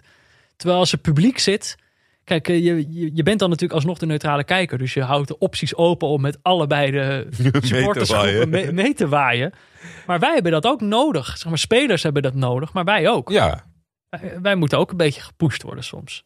nou, het- sprak het jou genoeg aan om er ooit nog over te doen met publiek? Oh, zeker. Ik Ja, ben toch? benieuwd. Ja, ik bedoel, eh, ja, die, die, die filmpjes die viral gaan, allemaal leuk en aardig. Ik, ik vind het dan toch altijd wel leuker om dan zo'n wedstrijd te gaan kijken. Maar ik vond dit eh, genoeg belofte. Ik heb ergens dus het gevoel dat het nog veel mooier is als er allemaal mensen bij zijn. Ja, Ik, kan niet ik weet niet zeker of dat zo is. het was ook altijd veel mooier als Pieter Zwart erbij was. Ja, dat is zo. Dat is zo. Over Piet Zwart eh, gesproken. ik dacht, deze week moeten we maar eens aan hem vragen. Ik dacht, eh, hij heeft het, heet het maar over die cijfertjes. Je, wel, zit hij online weer hele st- stukken te schrijven over de statistieken. ik denk, Pieter, hoe zit het nou met het hart? Met het gevoel? En het voetbal gaat het er steeds over dat je keuzes moet maken met je hart. Maar hoe belangrijk is dat hart nou eigenlijk? Ik denk toch wel belangrijk als we vorige week oplettend de hints hebben begrepen van de inzending. Kijk een pressing. Kijk een pressing. Moet je je hart volgen in het voetbal? Dat is een vraag waar in Portugal een model voor is ontwikkeld. De speelwijze wordt daar bepaald door een aantal factoren. De kwaliteit van de selectie, de context van de situatie waarin je werkt, maar ook de visie van de trainer en de cultuur van jouw club en het land waarin je werkt. Dat geldt voor een trainer, maar voor een club kan je op macroniveau dezelfde afwegingen meenemen. Of als speler op microniveau. De crux is om ergens in te stappen waar op dit vlak geen mismatch is. Neem Pep Guardiola, die naar Barcelona steeds voor clubs gekozen heeft die de spelers kunnen betalen die nodig zijn voor zijn visie. Of een beter voorbeeld, Diego Simeone, die niet de situatie verlaat waarin hij zijn hart kan koppelen aan een specifieke context. Je moet doen waar je in gelooft, maar dat kan alleen als je de juiste keuzes maakt en niet de situaties belandt waarin jouw visie niet de oplossing is voor het probleem. Kijk pressing. Kijk pressing. Dan zijn we alweer toe aan het gecrowdsourced onderdeel van, eh, van onze aflevering. Onze vrienden van de show zetten namen in het script. En wij moeten vervolgens raden waarom ze dat hebben gedaan. Nou, weer een eh, buslading aan, aan namen erop gezet. Ik wil er eerst eentje in het zonnetje zetten. Oh, Een vriend van de show. oh. Alle Philippe is jarig. Oh, nou. Van harte Vandaag. gefeliciteerd, eh, alle Philippe. Namens ons en alle andere vrienden van de show. Ja, zeker. La Liga-expert. Hopelijk eh, kan je er toch nog iets leuks van maken op zo'n rare, in zo'n rare tijd zoals deze. Hij is zijn eh, verjaardag begonnen vannacht met het terugkijken van Barça Sociedad. Nou, dat, Ja, ben je, ben je La Liga of ben je La Liga? voor hem, hem zijn, zijn Twitter-tijdlijn kennende, is dat een uitstekende manier om zijn verjaardag te beginnen. Toch? Ja, ja dat lijkt me ook. Ik wil, dat, eh, ik wil hem even in het zonnetje zetten. Ik denk dat we er niet aan ontkomen om, eh, om ons toch eerst even te buigen over de kwestie De Jong Weghorst. Weghorst werd eh, op de lijst gezet door Bram Smekes. Ja, dit is natuurlijk een hele discussie. Ik heb hem, ik heb hem voor de verandering weer eens een keer half meegekregen. Nou, er is een definitieve selectie van het, van het Nederlands elftal. Mhm. Eén speler zit er wel in, de andere niet. lijkt mij, ja, zo gaat het iedere keer, volgens mij. Iedere keer vallen de spelers af. ja, en deze keer is het een discussie. Ja, ja maar, het is, nee, maar het is niet, niet helemaal hoe je Oh, het nou, brengt. dan moet jij me wat beter Nou uitleggen. ja, het is, na- het is namelijk zo dat Luc de Jong zit er al heel lang bij. En ondertussen doet Luc de Jong niet veel imponerends in zijn, in zijn club, in clubverband. Mhm. En Wout Weghorst speelt de pannen van het dak. En dan is de conclusie dat het niet uitmaakt wat Wout Weghorst doet, want hij komt er toch niet bij. Terwijl die jongen wil heel graag. Kijk, als je Bas Dos bent, dan zeg je... Ik heb hier helemaal geen zin in. Ik kan het mentaal allemaal niet aan. Ja, En die zegt, ik, ik kom niet meer. ja. Maar Wout wil, maar die mag niet. En het wordt nu gewoon wel echt gewoon lastig te verantwoorden. En dan is er een soort van verhaaltje nu om nationale elftallen heen. Kwam bij Turkije ook een beetje tegen in het selectiebeleid. Maar bijvoorbeeld over Babel worden vraag, vragen gesteld. Over Strootman werden heel veel vragen gesteld. En dan is ja het zo... is het niet, zijn de selecties niet een beetje kliekjes? Ja, en dan omdat ze dat samen, Vriendjespolitiek. samen hebben ze wat bereikt en dat wil ze graag afmaken. Maar wat vervelend is voor die bondscoaches is dat dat toernooi een jaar is uitgesteld. Ja. Dus nog een jaar langer moeten die gasten voetballen. Mhm. En ze kunnen het voetballend eigenlijk niet meer verantwoorden. Nou moest ik lachen. Ik vind VI altijd neutraal en objectief. ja, deze naam stond er ook op. Ja? Toch? Nou ja, jij hebt het over eh, Ja- Yassine Bou- Bounou. Ja. De keeper van Sevilla heeft gescoord. Deze naam werd erop gezet door onze vriend van de show, Tanto Piet. Yassine Bounou, die, maakte een doelpunt in de slotfase met Sevilla. Die ging mee naar voren. En de kop van VI was... Bo- Keeper Sevilla doet wat Luc de Jong de hele wedstrijd niet lukt. Ja, dat is wel in deze tijd. Ja, ik vind, Ja, ik, lekker meestoken. ik, vind hem, ik vind hem leuk. Ik hou ook van zagen. Dus eh, er waren mensen die, die op mijn tweet reageerden van... Moet jij zeggen alsof jij nooit zaagt? Het was een compliment. Maar ik vond, ik vond hem scherp. Mooi Ik- stukje shithousery van eh ja, VI. Ja, ik denk uh, de, de, wie van VI deze kop heeft gemaakt... mag zich melden bij mij voor een, uh, een digitale duim. Maar ja, kijk, tegelijkertijd denk ik van je, misschien is nu inderdaad het verschil tussen de prestaties van Luc de Jong en Wout Weghorst te groot. Ja. Dat, dat is dan, uh, Dat is, het, dat is het waarom het een punt is. ja, Het maakt dus... Stel, Wout Weghorst virtueel of, of, of, of fictief... maakt volgende week tegen Bayern München vijf omhaal. Vijf keer normaal. het is fictie, hè, Peter? Maar dan, Ja, ja. om jou Stel. een indruk te geven... stel, ja. Stel, en Luc de Jong schiet vier keer een teruggetrokken voorzet Ja, voor een leeg doel Die mis. zit gewoon weer op de bank omdat Enesiri speelt. Ook iets. Ik vind het leuker als hij vier keer van dichtbij mist. Op een leeg doel. Kan gewoon niet. Wereldviraal. En dan toch... Ja, maar ja, Luc was er ook bij toen het eh, niet goed ging. Hè? Ja, maar een selectie is ook meer Ja? dan alleen prestaties. Ja, ik, ik bedoel, op een gegeven moment is het verschil te groot. Sommige spelers kan je niet heen. Als Wout Weghorst er zo eentje is, dan moet je hem meenemen. Maar ik denk, ik heb al eerder heb ik Wout Weghorst gecanceld in deze podcast. Oh ja, shit. Ja, hij heeft namelijk een keer op zijn Instagram gezet van, eh, weet je, de, de, de Duitse Kroes-achtige praat van, eh, oeh, welk, welk eh, virus is, eh, welk, welk vaccin is zo goed dat je bedreigd moet worden om het te nemen. Weet je, wel, dat soort teksten zit hij op zijn Instagram. Is allemaal de- weer weggehaald. Allemaal aan de andere maar dan kant, zo'n jongen, moet je die bij je groep hebben? En Luc de Jong dan? Die met twaalf Argentijnen stond te barbecue en scheidt dat aan de coronaregels? 1-1. Allebei kent ze. 1-1. Allebei Oh, niet mee. Gewoon Bas Dost. Toch Bas. Dost. en Henk Veerman. Dat is de oplossing. Dat is mijn oplossing op dit probleem. Oh. De naam Armand Loriant. Ja, dan pak ik er even wat documentatie bij. Deze naam is eh, op de lijst gezet door Tim Blankers, Ja, Terror Thijs, San Marco 5 en Stijn. hij heeft indruk gemaakt, deze Ja, deze heeft iets gedaan. Het een nazaat, nazaat van, eh, wat is het? Juninho Pernambucano. Dat geeft een beetje Ah, het een, doelpunt. een beeld. eh, ja, En niet als mens, maar het doelpunt wel. ja, Speler van Lorient. Hij scoorde tegen Nantes een vrije trap. En die was eh, 39 meter vanaf het doel. Mhm. De bal ging 84 kilometer per uur. En het hoogste punt dat hij bereikte, voordat hij naar het doel plofte, was hij, ja. was 5,7 meter. Ver Deze over. informatie is doorgespeeld door Jean-Paul Russon. afgekeken op het eh, Franse Canaplu. Die toevallig zat te kijken toen we het hierover hadden. Eh, Maar als je hierop googelt, dan zegt iedereen... eh, de Poeskas Award is alweer vergeven. ja, ja, ja, nee, daar wacht ik niet meer mee tot deze uitzending. Ik heb hem al opgestuurd. ja. Ik heb er niet veel meer. Maar ja, dit, dit blijft een, een, een sensationele manier van vrije trappen maken. Het is, Een het is- zwabberbal. Het is heel weinig mensen gegeven. Hij heeft in de eerste helft een poging gedaan die al bijna erin ging. Dat je zou denken, keeper, hey, beetje links-rechts, een beetje, een beetje op die voorvoetjes, want hij gaat zo komen. Ja. Hij heeft ook, eh, het is Hij nog- was al gewaarschuwd. Ja, volgens mij twee weken geleden eh, eh, ramde die er ook al een bal in tegen, stijf in de kruising tegen oeh, Saint-Etienne geloof ik. Maar dat, dat, dat terzijde. Was dat ook een vrije trap? Ook een vrije trap. Dus het is wel een specialist Dat is altijd wat je je afvraagt als je zo'n doelpunt ziet. Je denkt, of dit moet veel vaker gebeuren bij zo'n speler, dat het echt de kwaliteit is. Of het is gewoon een, een totale eh, opvlieging van één keer. Maar dan is het vooral de vraag, waarom doe je dat dan überhaupt vanaf 40 meter? Dus het moet haast wel een specialiteit zijn. Ja, het, het, het, het gekke is, kijk, je hebt zo'n beeld bij die specialisten van eh, minuten maken, eh, pogingen doen. Dus dan, maar dan zie je een beetje de traditionele vrije trap zie je dan voor je. Weet je, de hele tijd oefenen om stijf in een hoek te plaatsen waar je wil. Deze oefenen, dat kost best wel veel tijd, denk ik. Want je moet er steeds 40 meter terug, 40 meter erheen. Weet je, dit, dit bracht mij ook terug naar de, de tijd dat de knuckleball filmpjes viral gingen op YouTube. VV Bas VV. VV Bas. Gewoon van die jongens ergens op een, eh, op, in een eentje op een veldje met twintig ballen om, ze heen, om zich heen. Dit was een tijdje, was dit soort, gingen allerlei van dit soort filmpjes viraal.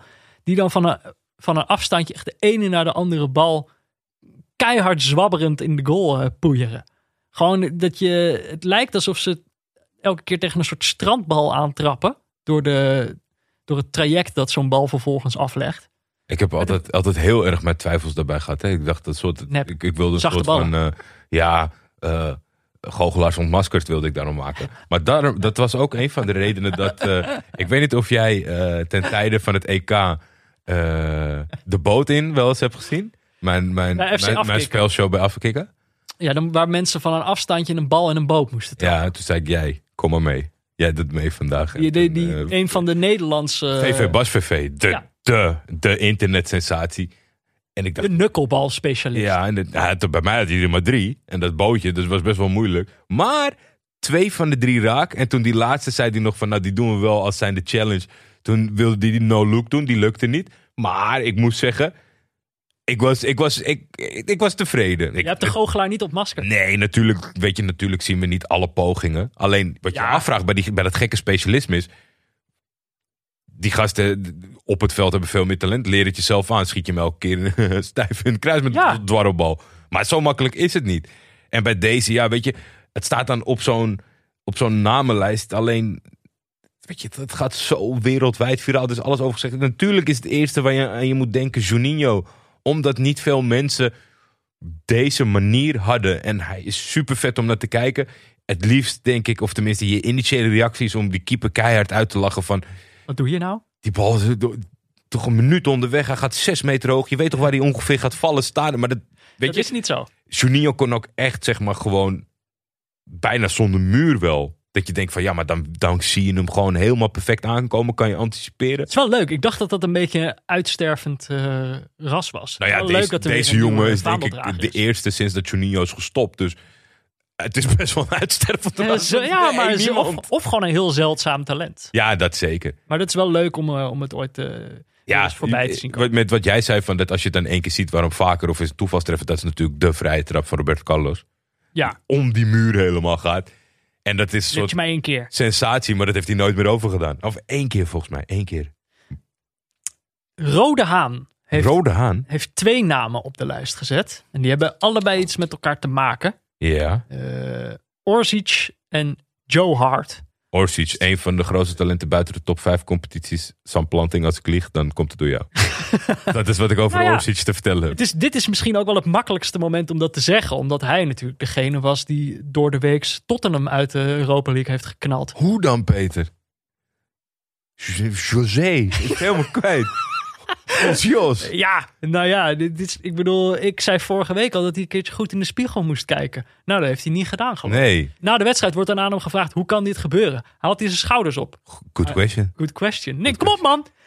Jij moet daar een antwoord op hebben, toch? Ja, maar weet je wat het dan wel met hem is? En dan nemen we een klein beetje voorsprong. Dan skippen we deze week toch weer dat, eh, dat, dat, dat vaste ritueel. Maar dan ga ik het toch nu even zeggen. Gisteren winnen ze uit bij Villa. En op een of andere manier, en ik weet niet wat dat met hem is. Want je zou hem eigenlijk in zijn gehele repertoire niet serieus mogen nemen. En dan wint hij. En dan staat hij voor die camera. En dan denk ik, ja, godverdomme, José, wat zeg je dit toch weer goed? Toen zei hij van, eh, dit, dit- deze wedstrijd ging over schaamte. Dus als je geen eh, echte mannen kennen schaamte. En deze jongen schaamde zich voor wat er van de week heeft plaatsgevonden. Hij Ja, dan denk ik, ja, dit, dit is het helemaal. Hij kan alleen maar winnen. Misschien is dat het probleem. Hij moet eh, bij een team wat nooit meer verliest. En dan spelen met de camera en acteren. En, en zijn brein op de loop laten. Want dan is het, ik vind het echt schitterend hoe hij het verzint. Gewoon te plekken. Ja, hij, heeft, hij, heeft, hij is wel goed in touch met, het, eh, met de, met de filosof- filosofische elementen van het voetbal. Wat je natuurlijk niet van elke trainer kan zeggen. Of niet van elke trainer kan verwachten. Maar het zou wel fijn zijn als dat iets meer resultaat zou hebben op het veld op dit moment. Anders wordt het contrast te groot. Ik vind het nu gewoon een beetje triest. Eh, Wat hij nou over heeft. Hij, de Carabao Cup finale gaat hij volgens mij Ja. nog spelen. En hij moet nog eh, in de competitie ervoor zorgen dat hij in de top... Europees voetbal op een of andere manier ziet eh, Ja, en dat veilig is, te eh, stellen. dat, dat zal is- lastig genoeg zijn. Ja. Ja, Orsic zien we binnenkort eh, terug op de velden. Want eh, als Sam Planting het zegt, dan is hij binnenkort eh, wel ergens te zien. Nou ja, en, natuurlijk gewoon in de Europa League met eh, Dynamo Zagreb bekert hij lekker door. Ja, oh, ja, zeker. Wat dat betreft zou je hem ook nog een keer in actie kunnen zien. Joe Hart, inderdaad. Ander verhaal. Is inmiddels, dat zal voor sommige men- mensen misschien ook een verrassing zijn, is eh, inmiddels reservespeler bij Tottenham. Ja. En eh, nou ja, Tottenham op, eh, op miraculeuze wijze uitgeschakeld. Schaamte, je hebt het er al over. En na de wedstrijd zei Joe Hart op zijn, op zijn Instagram, mission accomplished. Met zo'n Vinkje. groen vinkje erbij. Hoppakee, we zijn door. Dat werd natuurlijk daarna meteen weer ver- verwijderd. Het was gewoon een domme ingeplande post. En dan moet dan, daar krijgt dan natuurlijk zijn social media manager allemaal weer de schuld van en zo. Maar ik vind het zo grappig, omdat het ook zo goed weergeeft hoe weinig betekenis zo'n berichtje heeft. Dat het niet door hemzelf wordt geplaatst. Dat het dus blijkbaar ook niet één op één. Het wordt ook niet geschreven na de wedstrijd of zo.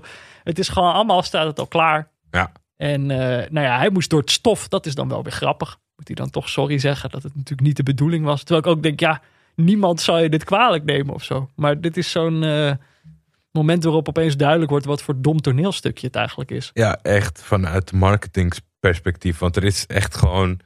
Het is voor de rest niet meer te verklaren waarom je het zou doen. Zeg maar, het, het gros. Het, het, het, het, gros van het publiek weet dat het, dat nep is, dat er geen interactie is. Het gaat alleen maar om dat Joe Hart eh, eh, 1 miljoen volgers kan hebben. En dan ook af en toe shampoo kan tonen om geld te verdienen. Dat is, de, Ja. dat, is, dat is waarom jij op volgen drukt bij zo iemand. Ja. Dus denk daar de volgende keer na als je een speler gaat volgen. Boycott Joe Hart. Ja, en al die anderen. Ehm, even kijken.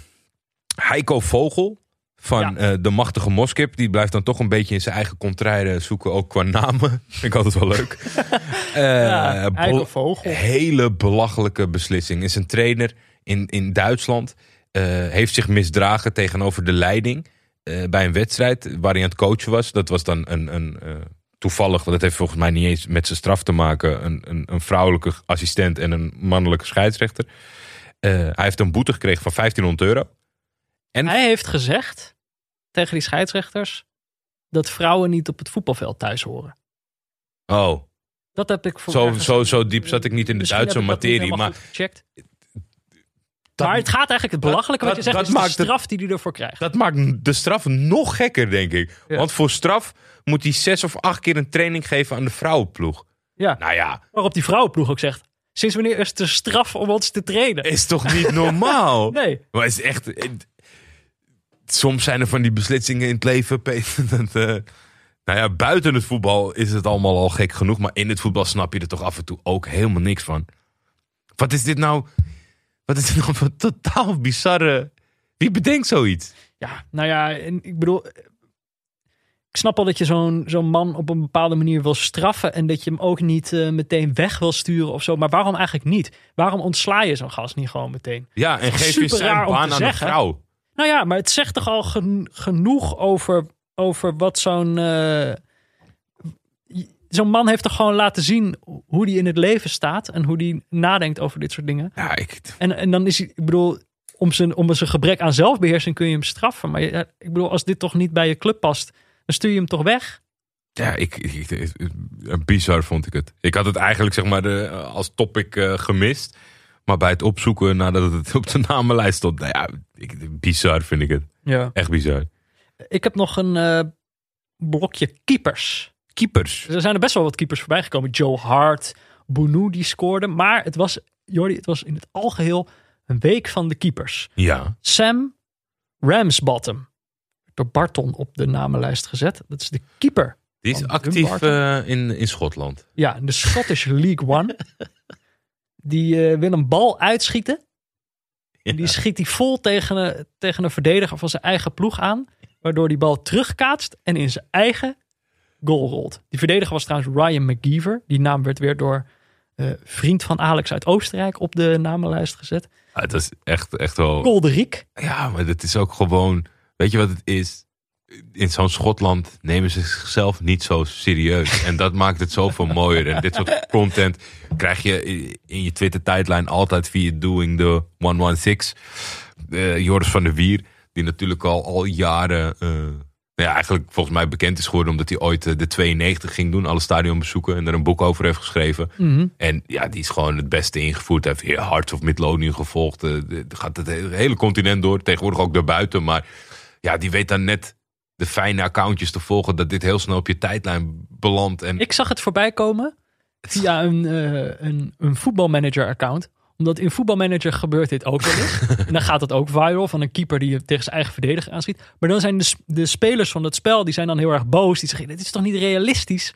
Dat vind ik dus ook grappig als het echt gebeurt. ja, precies. Dat je denkt van ja, Het is wel- het gebeurt. Bestaat. Bij Dumbarton gebeuren dit soort dingen. Ja, maar het is dan zeg maar een soort van die vette knipoog eromheen. Want eigenlijk wil je natuurlijk janken. Als jij voor Dumbarton bent, dan denk je toch ja, jongens. Nou, het is zo belachelijk dat je het haast niet erg kan vinden, denk ik. Dit slaat zo nergens op. Nee, maar de hele accommodatie, de hele vibe. Want volgens mij is, mogen ze net weer voetballen op dat niveau. Heeft dat er een tijdje uitgelegen. Oh. Het is, het is heftig hoor.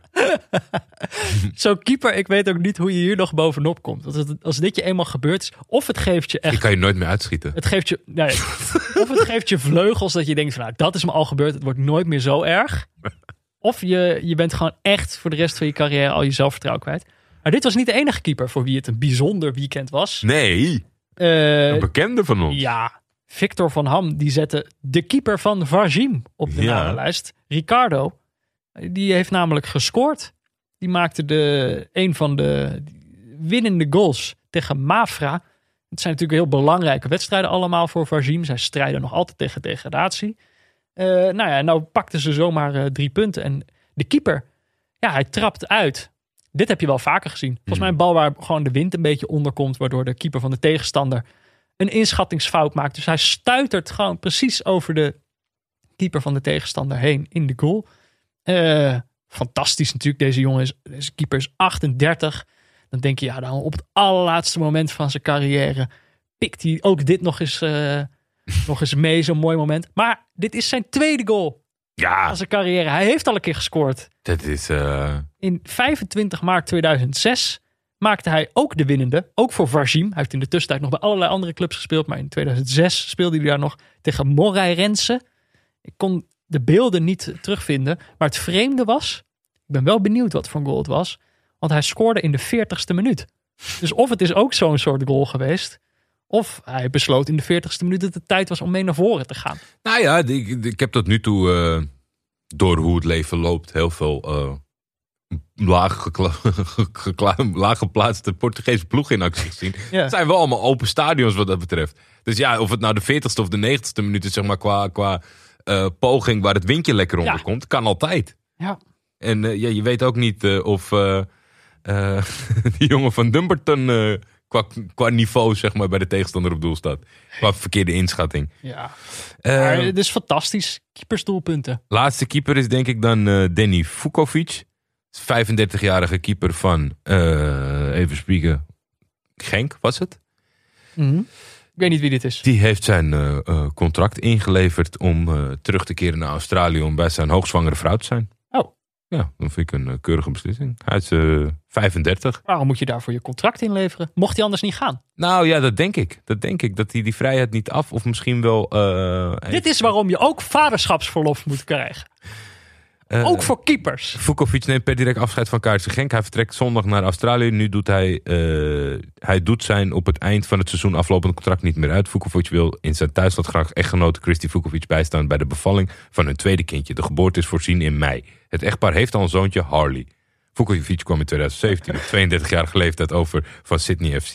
Door zijn leeftijd leek hij een atypische Genk-transfer, maar hij bleek uiteindelijk van goudwaarde in de titelstrijd. Tijdens het titelfeest oppopte hij zich zonder twijfel tot het grootste feestbeest. Een Aussie hoef je niet uit te leggen wat drinken is. Dit voor de levensloop. Maar ja, ik, ik, ik, Ik snap het niet, want je, weet toch, je weet dan toch al dat ze zwanger is en wanneer ze gaat bevallen. Dan kun je daar toch wel een, gewoon een, een regeling voor treffen. Of misschien is dit wel gewoon de regeling uiteindelijk. Oh, ik denk dat het in combinatie is, misschien wel met motivatieproblemen. Want tot midden, tot midden februari, toen Van de Brom de tijd rijp achter om vol voor Van de Voort te gaan. Zij is wisselkeeper Ah, geworden.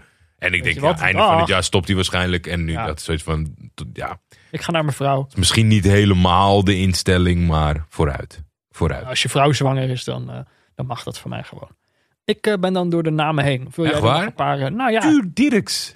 Heb je dat meegekregen? nee, nou dat moet je mij dan uitleggen. Kijk, ik denk gewoon op een gegeven moment, dan is het mooi geweest. Dan heb ik geen zin meer om, eh, om er een aantal op Nee, dat snap ik helemaal. Maar ik, ik trek ze toch allemaal wel er doorheen om, eh, om, om zeg maar de krenten uit de pap eh, te pakken. Westerlo speler Tuur Dirks krijgt maand zelf voor organiseren lockdownfeestje.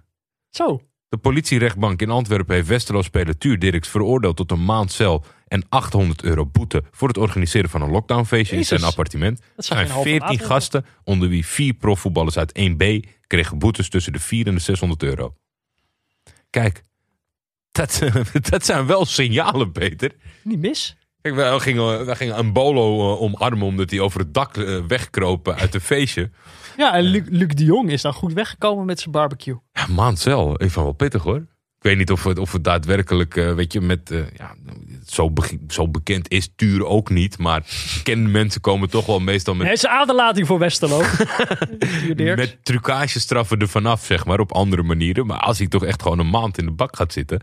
eh, Ik wil dan nog... ehm, nee, ik heb wel eentje die er Oh. nog perfect bij aansluit. Dat is Gabby Goal. Hebben we vrij recent zien spelen. Goal heet hij tegenwoordig toch? Oh nee, Gabi. Gabi. Eh, die, eh, er was een politieinval bij een eh, Oh illegaal gokhuis met een gigantisch feest gaande. Drie keer raden wie er binnen was. Gabi Goal. Gabi Goal. Of Lange Frans, dacht ik. Maar ja, nee, Gabi Goal hangt geen maand cel. Ik denk dat in, eh, in Brazilië zijn ze volgens mij rondom corona toch... eh, dank, nou ja, Nou, dan gaat het helemaal mis. Bolsonaro eh, op de leiding. dat helpt niet, zeg maar. Nee. Dus, maar ook een coronafeestje. Ik wilde dan El Pistolero. Luis Suarez, geloof ik. Die is door op de namenlijst gezet door dikke Ronaldo. Als een soort eerbetoon. ik wil hem feliciteren, want hij heeft... ik zag iets met 500 voorbij komen. Goals. Goals, hè? 500 gele kaarten. Oh, verschrikkelijk veel goals. Heel veel goals. 500 goals. Ja, geweldig. Gefeliciteerd namens de neutrale kijkers. Met je 500 goals. Ik zou het zo fijn vinden als we een keer stoppen met eh, aan spelers vragen of ze ergens naartoe terugkomen. Ja, was natuurlijk eh, Dirk Kuyt die ooit nog terug wilde naar Quick Boys. Ja, en elke Quick Boys heeft een Dirk Kuyt. ja, Dirk Kuyt zat zo op een gegeven moment in een soort, in een soort loop gevangen. Ja. Want die moest naar iedereen terug. Shit, Maar ook nog naar Venner. Ja, maar dan kom je, dan kom je er nooit meer uit. Als je steeds, dan moet je bij, dan, als je bij twee clubs, dan kan je nog één keertje terug en dan is het rond, zeg maar. Maar je kan niet bij zes clubs terugkeren. Volgens mij hadden we bij de Speld nog een keer het stuk. Voordat hij nog ooit een keer met Quick Boys Champions League wilde spelen. Dan was, een, dan was zijn eh, Dan was het rond. carrière pas compleet. Trouwens, Dirk Kuyt staat open voor een samenwerking met. eh, eh, hij, wil geen, hij heeft geen ambitie om assistent-trainer te worden. We zitten nog in, midden in het, in het stukje. in het tijdperk analist Kuiten. Het gaat nu alweer over dat hij geen assistent-trainer wil zijn. Mhm. Maar als Gerrard trainer wordt van Liverpool. zou hij best zijn assistent willen zijn. Dan had ik zoiets van. Nou, dat heb ik ook wel. Ja, toch? Zo heel hoog. Nou ja, oké, dat zou ik dan wel willen. Weet je, een open sollicitatie naar zo'n baan.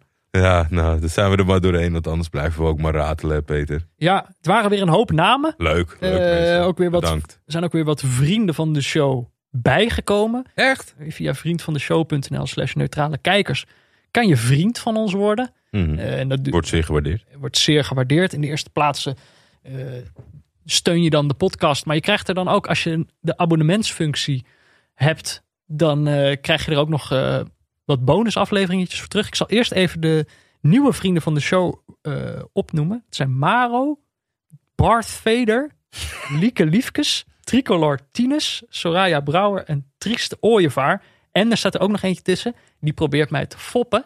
Dit is pas voor het eerst. Eh, al superveel vrienden. Nu is het voor het eerst dat iemand, zeg maar, fonetisch iets op heeft geschreven. Ah, Ice Wallow Seaman. Ik moet toch gewoon de naam even opnoemen. Die is ook vriend van de show geworden. Welkom. eh, creatief. Creatief met. Kurk. Daar heb ik dan nog eh, eh, wel iets om aan jou voor te leggen. Verras ik je nu mee. Maar het is meer afgelopen week. Zo, ja, eigenlijk delen we het alleen op Twitter en op Instagram. En voor de rest, ja, we hebben niet echt veel outlets wat dat betreft. Mhm. Dus soms koppel ik wat aan het delen van onze show. Maar vorige week dacht Een ik... actietje. Ja, vorige week zei ik van... En je krijgt een zakje noten. Straks een winactie.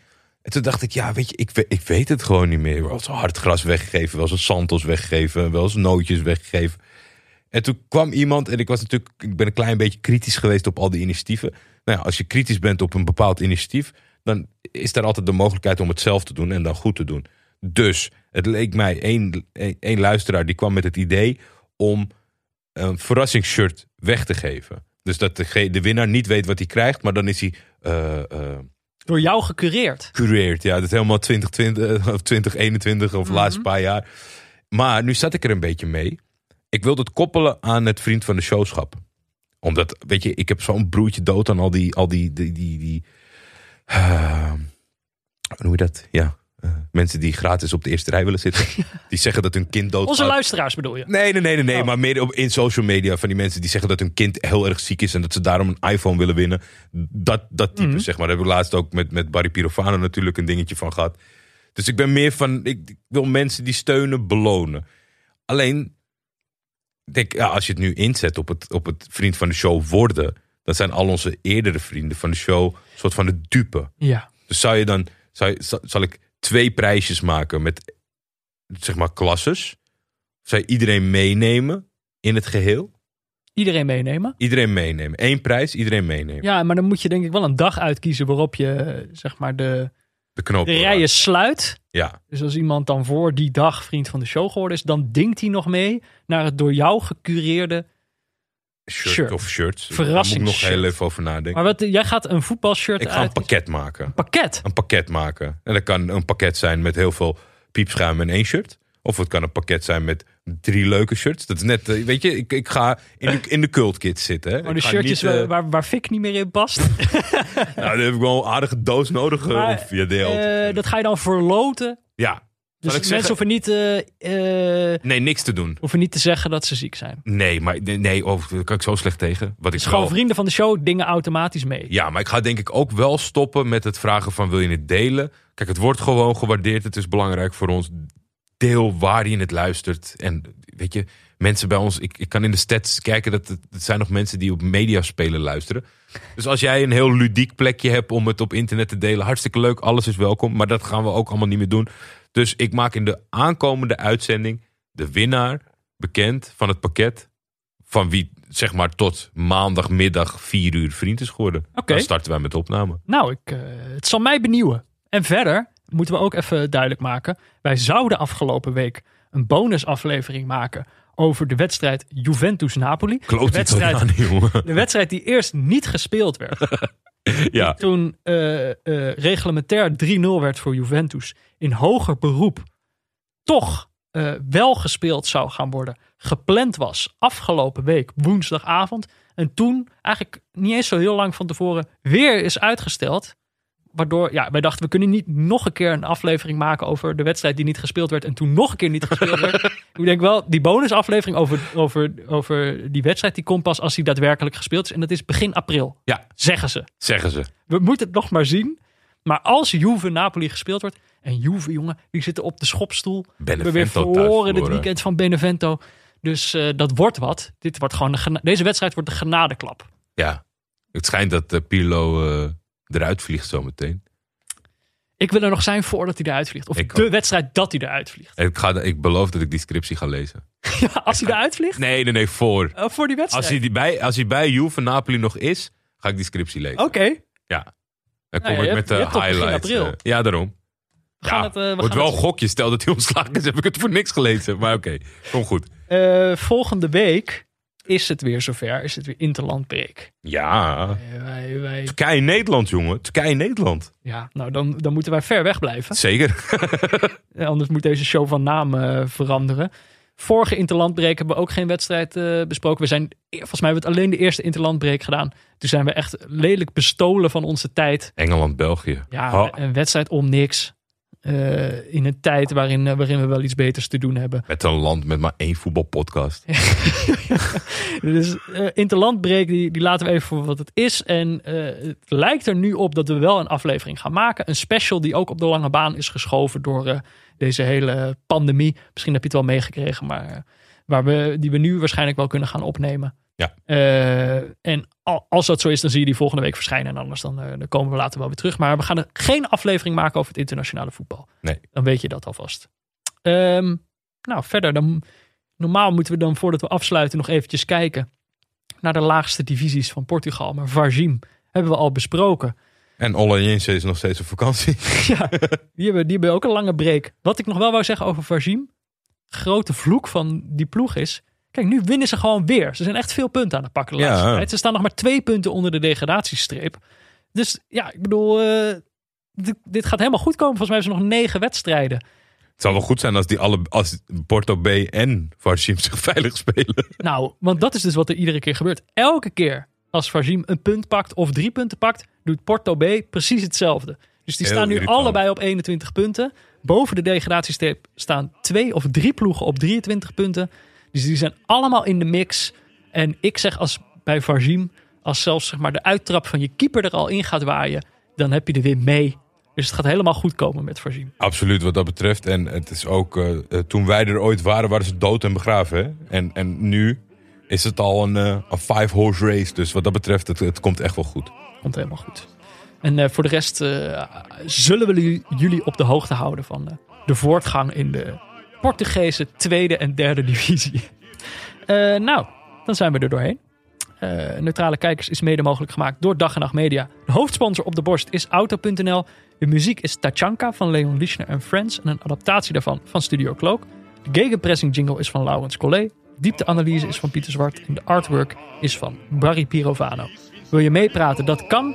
Kan ons volgen op Twitter via @buurtvader of @defef. Je kan ons mailen op neutralekijkers.gmail.com. Als je een beetje lang van stof bent, is dat vooral de plek.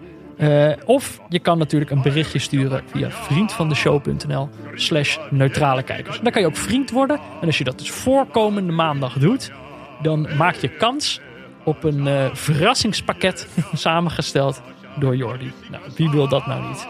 Ehm ja, en verder. Hou afstand, blijf neutraal. En dan zijn we de volgende week waarschijnlijk weer. Misschien, In ieder geval over twee weken. ja, in ieder geval over twee weken. En volgende week, eh, misschien niet op de maandag, maar eh, we gaan ons best doen. Doen we altijd voor jullie. We doen altijd ons best.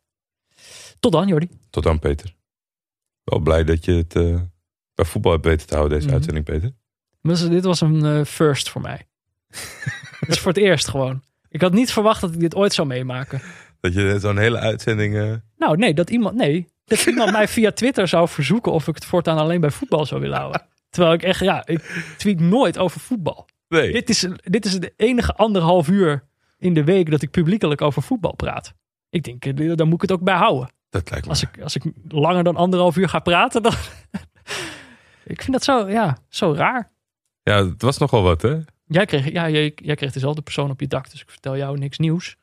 Nee, maar het, het was natuurlijk wel heel, heel raar, zeg maar. Maar het was ook, ik, vond, ik vond voornamelijk de, de, de gekste... eh, degene vond dat we eh, ons politiek uitspraken... of in ieder geval mensen van, die rechtsgeoriënteerd waren... dom om dom te noemen of dat bagatelliseren van een bepaalde arrogantie... en of het alsjeblieft gewoon bij voetbal wilde houden. En daar, jij en ik en Nieuw en volgens mij nog iemand... die dat Ja. weet ik niet, niet eens meer precies. Maar ik, ik, ik, het gaat vaak in dit tijdperk over internet trollen en, en dat soort dingen. En ik merkte gewoon heel erg, dat heb ik nooit. Je werd een beetje getrold. Nou ja, je ik- voelde je getrold. Normaal kom ik eruit met iemand of moet ik hem blokkeren, zeg maar, omdat het zo asociaal is en zoveel gescheld is, zeg maar. Maar ik, meestal ga ik in eerste instantie het gesprek aan, dat deed ik nu ook. Wat heel gek is natuurlijk met iemand die een anoniem account heeft en cijfertjes en dat soort dingen.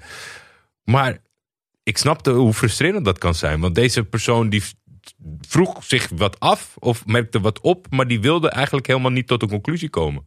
Die bleef er maar een beetje omheen dartelen om de hele tijd zijn eigen punt te herhalen, denk ik. Ja, nou ja, ik, vond, ik, ik vind het raarste gewoon, en dat, dat is al langer een, een bredere discussie die ook door minder anonieme mensen op Twitter eh, wordt gevoerd. Namelijk dat hele idee dat je voetbal en politiek gescheiden zou moeten houden. Terwijl ik denk, als je dat dit jaar nog zegt, ik kan me ook niet voorstellen dat die persoon die dat naar ons stuurde, dat hij ooit naar deze podcast heeft geluisterd, dat dan merk je toch wel dat dat dat wij in ieder geval niet het idee hebben dat dat twee gescheiden werelden zijn. Ik denk deze discussie over Qatar, dan merk je toch gewoon dat zo'n toernooi is helemaal niet los te zien van de politiek in zo'n land of de politiek van, van FIFA. Die spelers die racistisch worden belaagd. Bedoel, dat is toch allemaal onderdeel van het spel. Dat is toch effect op het, dat heeft toch effect op het spel. Het gebeurt op de tribunes. Het gebeurt op het eh, veld tegen Glenn Camara afgelopen week. Het gebeurt eh, met zo'n trainer van Borussia Mönchengladbach... die tegen een vrouwelijke scheidsrechter zegt... eh, dat ze niet op het thuis. veld thuis hoort. Dat, is, dat gebeurt allemaal in het voetbal. Dus hoe wil je precies dat we dit gescheiden gaan houden? Mogen we alleen maar zeggen wie met welke schoen de bal heeft geraakt? Ik bedoel, als je over dit spel praat... Ja, je, je, je liegt tegen jezelf als je zegt dat het losstaat van politiek. Maar het is sowieso een beetje toch überhaupt raar in, in, in, in ieder geval in onze wereld om überhaupt tegen iemand te zeggen dat je een bepaald onderwerp of dat je maar één bepaald onderwerp Ja, ja. Mag, mag duiden. Luister, het is niet, het is niet ons, eh, wat dat betreft, ons werk en inkomen. We zijn helemaal niet gespecialiseerd. Het is niet, ons leven bestaat niet uit voetbal. Ik ben Nee, als ik het alleen maar over voetbal heb, ik ben ooit een heb ik geen werk meer. Twitter, een, een Twitter-account begonnen. En ja, dat, gaat, Ja. dat kan alles zijn. En als je het niet leuk vindt, dan, dan ga je maar weg. En zo Ja, een werkt soort, het toch? soort verzoekje. En Ja, opeens iemand komt van, hey, kan je het ook over andere dingen hebben? ja ik, er zijn een heleboel mensen waarvan ik denk van... Nou, doe liever een ander onderwerp. Maar daar ga ik toch niet over? Daar ga jij nooit over als zijnde persoon. Maar dat vond ik misschien nog wel... Dat vond ik misschien niet eens het, het ergste. Oh. Het ergste vind ik dat wij eigenlijk... Nou, en nu... Nou ja, laten we het dan niet inhoudelijk doen om ons er toch aan te houden. Wij mogen niet over Mo Iataren praten. Of we mogen eigenlijk niet over PSV praten. Omdat wij een ontzettende Ajax-podcast zijn. Wist jij dat? Maar dit is al twee weken geleden of zo dat we dit bericht kregen. Ja, ja. Nou, Of, heb jij, of krijg jij er meer? Mails. Nee, nee, nee, helemaal niet. Het was één iemand. Maar ik vind het juist leuk om één iemand zo eruit te lichten. Maar dan, dan probeer je ook diegene, en daar kwam ik ook niet uit. Dat ik denk, als je nou 150 keer neutrale kijkers hebt geluisterd. Ja. Dat je dan dat stempel geeft en dat je dan zo overgevoelig op je, oh, het zo klein maakt dat Ja. je dan niet iets ik- over je eigen club mag horen. Met alles wat we hebben besproken. Maar dit is ook... Dit vind, dit vind ik dan... Oké, we zijn nu gewoon dingen aan het opzommen die we frustrerend vinden. En wat- snap dan wil ik ook nog iets zeggen Ja. wat ik frustrerend vind. Het gaat eigenlijk hierover. Eh, we hebben al meer dan 100 afleveringen gemaakt. Mhm. iedere aflevering proberen we op een bepaalde manier in te vullen wat neutraal kijken nou eigenlijk is. En we hebben het helemaal aan, vanaf het begin af aan probeer je al uit te vogelen van neutraliteit. Wat betekent dat nou eigenlijk? Betekent dat dat je helemaal niks mag vinden? Nee. Want waarom, Nee, bedoel, dan, dan kan je niet eens genieten van een dan kan wedstrijd. je niks doen. Dus de- dat steeds toch blijkt. Want hier werd ook weer de opmerking gemaakt: zo van ja, jullie zijn eigenlijk voor Ajax. En als je dan neutraal wil blijven, dan zou je niks kunnen zeggen over. um, Ja, daarom want dat is een speler van PSV en dan ben je bevooroordeeld daarover. Ja. Terwijl dat ik denk van neutrale kijken is naar mijn idee, is dat je met een soort open vizier ergens naar kijkt. Juist. En dan kan je alsnog het een vinden of het andere. Als wij naar een wedstrijd kijken, dan krijg je op een gegeven moment ook een voorkeur tijdens deze wedstrijd, omdat wie dat na een kwartier voor stond. Ja, Word je dan, voor Raya. dan word ik voor Raja. Ook omdat die gewoon hard hun best doen, erin blijven geloven. Ja, op een of andere manier word je daar dan voor. Dan kan je zeggen, ja, nou ben je niet neutraal meer. Het verschil is misschien meer dat eh, ik achteraf niet een bushokje kapot sla omdat eh Raja niet gewonnen heeft. Nee, En- ja, en maar Net als de kwestie Iataren, zeg maar. Ja, aan het, aan het eind van de dag boeit me dat ook gewoon niet genoeg. Sta ik en ben ik daar toch op die manier neutraal in. Maar ja, dat, het woord neutraliteit nog zo moeilijk is, terwijl we het al honderd keer hebben uitgelegd. Ja, nou ja, dan. Neutraliteit bestaat niet. Nee, En als het zou bestaan, dan zou ons, deze podcast nooit eh, anderhalf uur duren. geen, geen, geen, geen. Oh ja, het zou super saai. Het zou echt heel saai zijn. Dan zouden dan zouden gewoon de stand oplezen. maar weet je, eh, eh, voel je uitgedacht hierin om ons dusdanig te triggeren om nog een extra gift te geven over frustraties van Ik krijg 10 nu de Wout 15 minuten? Weghorst stance, krijg ik nu achter me aan. Ja, ik hoop het. Ik hoop het.